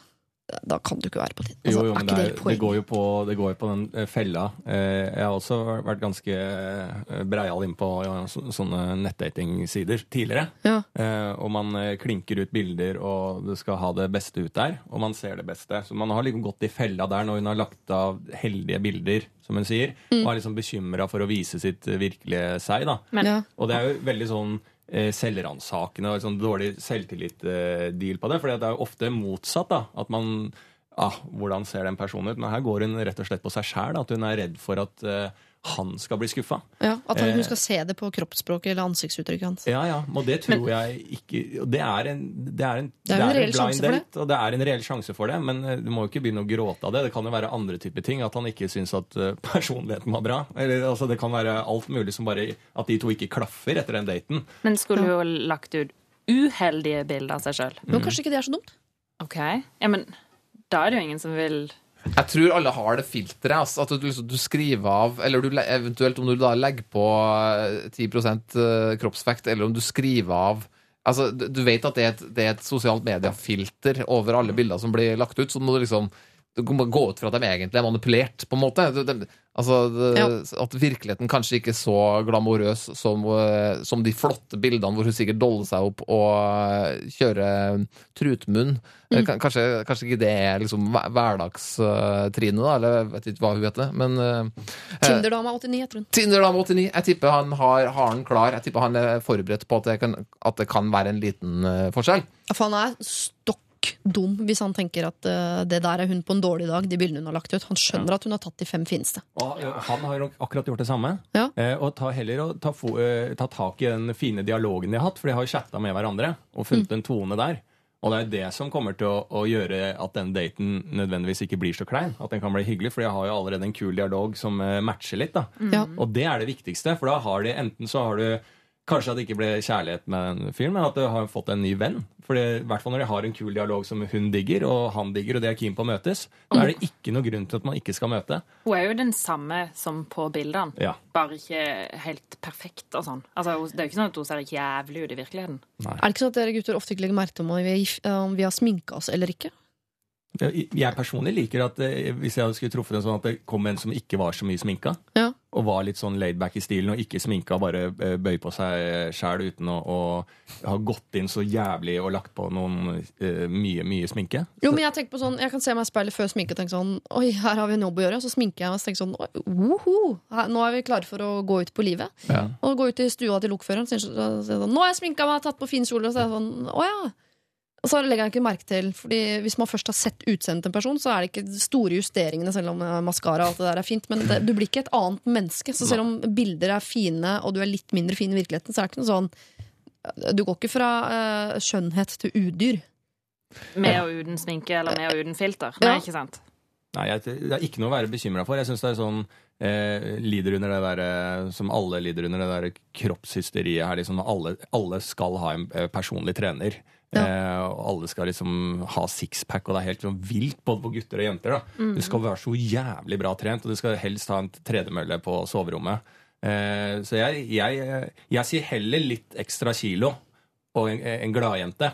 Eller en skrapa dame som er helt tørr og jævlig å prate med. Ja. Som bare, Men det er ikke deg hun har møtt på Tinder, da. Hun har Antagelig møtt en sånn fyr med, med Nei, for de har den dialogen. Det er derfor jeg ser fokus på den dialogen. Ja. Og hun er jo den personen hun er. Og hun kommer overens og har det gøy å, å chatte med en fyr. Da vil jo ikke den slettes når de kommer ut. Da er jo dette tydeligvis en fyr som passer eh, eh, på et visst nivå da, med Ja. hun allerede. Nå, nå har jeg aldri drivt med nettdating, for uh, siden jeg har vært uh, Drift. Dre, dre, drevet.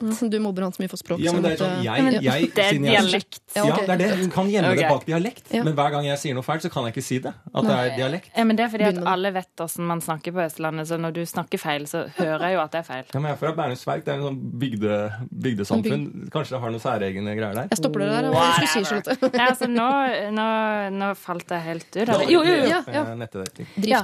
Nei, aldri drift men nettdating. Eh, Men jeg tenker at det er jo ikke Jeg har ganske mange venner som, som gjør det. Og jeg tenker at det er jo ikke hvordan Altså, det er jo ikke bildene, det er jo ikke hvordan hun ser ut, som vil avgjøre om de liker hverandre eller ikke. Det er jo om det fortsatt funker. Og Ja.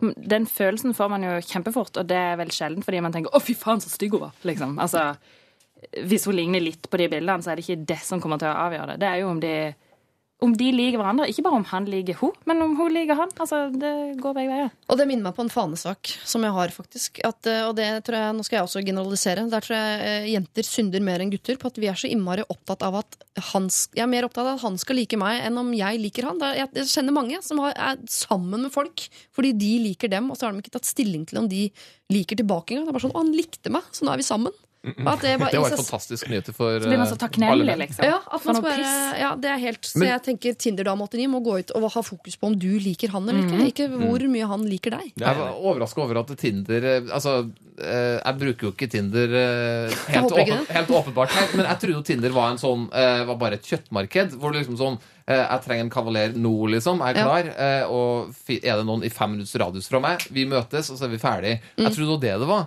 Eh. Her er det altså da Dette slags... Er jo sukker, på en måte. Ja, Bare at det er med GPS. Er det det det er? ja, du bare blar deg forbi. Nei, liker ikke, liker ikke. Oi, her liker, og så liker den personen også deg. Så kan man begynne å snakke litt. Er det ikke, er det ikke noe sånn med hvor mange gang, altså, hvor mange Ja. man har Men det er radius òg. Er radio, Altså så- geografisk uh, begrensning. Ja. Kan jeg fekte opp litt. Helt på tampen også, bare det perfekte Altså jeg bestemmer når det er tampen. Å ja. ja. Jeg begynner å ta over. Til Lars Berrum og rådet. Beklager det, altså. Det Ja, var det ikke virkelig ikke eh, meningen. Eh, Du er hard. Jeg liker det. Eh, Men det beste, beste Som altså, ja. Hva sa du? Som altså. Ja, det beste nettbildet, så Ja. litt sånn tips til det, er at du har et bilde av deg sjøl, gjerne med litt vind, sånn at det er rufsete i håret. For Ja. da gir du tegn på at du ikke tar deg selv så selvhøytidelig. Ja. Ikke for mye sminke. Og gjerne på et annet sted, sånn at du tydelig i bakgrunnen ser at det er noe fjell, at du er ute og reiser, f.eks. i USA eller Argentina, som vi har vært inne på. Så at Ja. du, da får du, får du inn Oi, den personen liker å reise. Det er positivt. Tar seg ikke selv så høytidelig. Men allikevel så er det selvfølgelig et bra bilde av det. Eh, Så det er ikke førsteforsøk-bildet.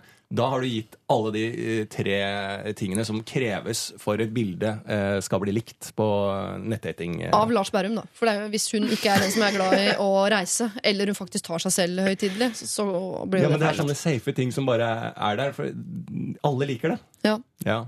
Det vært, jeg for eksempel kunne ikke lagt ut 'jeg er jo glad i å reise' og den slags Nei, på du- Tinder. Det hadde vært, det hadde vært ljug. Jeg vil helst være hjemme Det er 24 timer i bildet. Det er i bildet. Du skriver det ikke. Nei, men Hvis ikke man mener det, så kan man ikke si det i bildet heller. Ja, men da er det ingen som da, Det ligger bare der. Ja, men nå er vi jo inne på dette her med eh, nesten rosa-blogging igjen, altså. Skal, Ja. man, skal man hele tida gi en sånn eh, pink version? Nei, men Det er derfor du har vind i håret, sånn at det ser rufsete ut. At det ser ut som du ikke tar Er deg det selv det høytidelig. Carola ville med den der eh, vindmaskinen? Jeg tror du har ut. litt sånn hang-up på håret. Nei, nei, nå prøvde jeg bare å beskrive et, Det perfekte Tinder-bildet. eh, perfekte Tinder-bilde. Ja. Ja. Eh, Men jeg merker jo at det var jævla mye motstand her. Men Lars- For det her skulle egentlig gå sånn, og alle bare 'Å, så bra, Lars. Takk for det tipset.' Og så skulle du runde av. Ja, for nå er vi faktisk på tampen av Ja, okay. dette. Men hvis du vil, Torkel, så kan du få skyte Nei, inn. det var bare for å si til Lars, Kan du bare prøve eh, på scenen? Altså Du kjører en live Tinder. Mm. Så er det sikkert noen som sitter og ser på deg, som er på, liksom. Så får du bare luka ham ut, hente ham på scenen, så får du sjekke hva, hvorvidt at Du får vise fram bildet, og så får du se om virkeligheten stemmer overens. Ja. Da må du sjekke det ut. Lurt. Da er vi forbi tampen, faktisk, og over på uh, det endelige slutten, som er etter tampen. Endetampen. Endetampen, ja. Mm. Tinder-dame 89, du, selvfølgelig skal du ta sjansen. Du skal møte denne mannen som potensielt er mannen i ditt liv. Herregud, Hvis du ikke tør å ta den sjansen, så skjer det jo aldri noen ting.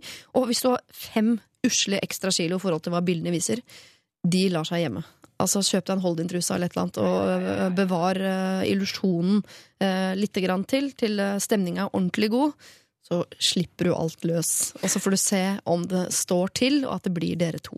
Og ikke ligg gråtende i fosterstilling ut året. Herregud, det er masse folk på Tinder. Det, er det vet ikke jeg noe om. Eh, hvis du har et problem, send det inn til oss. Det er da lralfakrøll.nrk.no.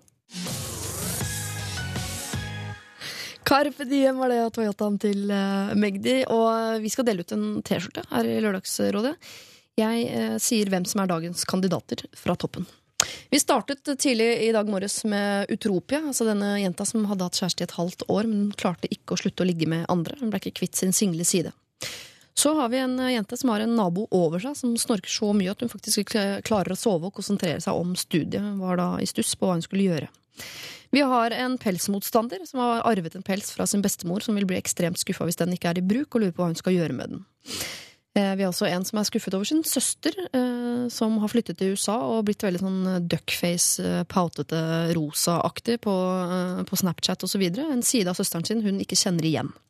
Så har vi Holte Hvitsten, altså noen vi har hjulpet tidligere her i Lørdagsrådet, som endte på etternavnet Holte Hvitsten, men som nå gnager på samvittigheten. Kanskje de skulle ha byttet allikevel. Så har vi Kirsten Giftekniv, da. Altså, det er én singel dame, og venninnen har lyst til å spleise henne, men hvor langt kan hun gå for å, å få det til? Og så nå nettopp Tinder-problematikk. En jente som er nervøs for å treffe en fyr hun har truffet på Tinder. Hun er redd han skal bli skuffet over at hun ikke er like pen som på bildene. Hvem eh, skal få T-skjorte? Jeg syns Tinder 89. Tinder89 skal få T-skjorte. Jeg syns det. Ja. Hva syns dere? Jeg syns definitivt snorkeofferet. Ah. Eh, jo, fordi jeg syns mest synd på hun eh, oppi alt det der. Eh, hun, jeg ba jo om å flytte, for det første. Stakkar. Eh, hun har et problem som er veldig vanskelig å løse. Ja, det er Så, sant. så ja, jeg fikk, en, eh, jeg fikk litt eh, medfølelse med hun. Det burde du også ha, Lars, i og med at det er antageligvis faren din som er naboen. Ja. Mm. Ja, og, og siden jeg da har vokst opp med det samme, og sånn, så føler jeg at jeg vil ikke gi T-skjorten her, for jeg vet at det går an å takle det, liksom. Ja. Eh, men jeg er litt sånn enig med Charlotte at eh, Tinder89 Ja. eh, Litt sånn av hele pakka der, at, eh, for det går litt eh, Jeg mener hvis jeg skal prøve å være litt dyp her, så går det litt sånn på dette kroppsfikseriet. Om at hun Ja. ikke tør å For hun har fem kilo ekstra. Eller som, det er, hun beskriver det ikke mye heller, som hun er redd for å vise frem. Altså, fem, det, er, det er en badstuetur, så kvitter hun med fem kilo. Ja, Ekstrem badstue i regntøy. Ja. tenk, tenk spørs hvor kiloen sitter han, selvfølgelig. På Ja. Ja, ikke sant? Tenk hvis de sier det på puppene. Uh, Ikke sant? Ja. ja, heldig. Det er ikke farlig. Og press det i hvert fall opp til puppene. Eller, jeg, jeg tenker at henne Jeg tenker at eh, hun fortjener en T-skjorte. Ja. Ikke, ikke fordi at det er så synd på henne, men som en motivasjon til å gå ut der. Og akkurat som du også sa, sier, at gå ut der og bestemme om du skal like han. Ja. Ikke vær så opptatt om han liker deg. Hun må bare gi litt faen, liksom. Ja. Come Og det er jo dramaturgisk vakkert også om uh, Lars og Charlotte skal være enige, sånn på tampen av sendinga, må Ja, jeg ja. si. Ja. Men det står jo på deg da, Torkel, om du klarer å, å bli med på Altså, Du har ikke en eneste stemme her, Siri? eh, Nei, men det har jo hendt etterkant Ja. at det har gått hardt over de som ødelegger det. Ja, nei, altså, jeg, jeg går jo ned med hev og flagg, selvfølgelig. Jeg vil stemme fortsatt på snorke, snorkedama, men, eh, men jeg er villig til å gi det til Tinder-dama. Litt fordi at eh, du kommer med noe politisk korrekthet her, med at liksom sånn kroppsfokus og sånn. Selvfølgelig, jeg kan ikke være mot det. Eller jeg kan være, jeg kan ikke være for det, på en måte. Eh, Så greit nok. eh, Tinder89. Du får også min stemme.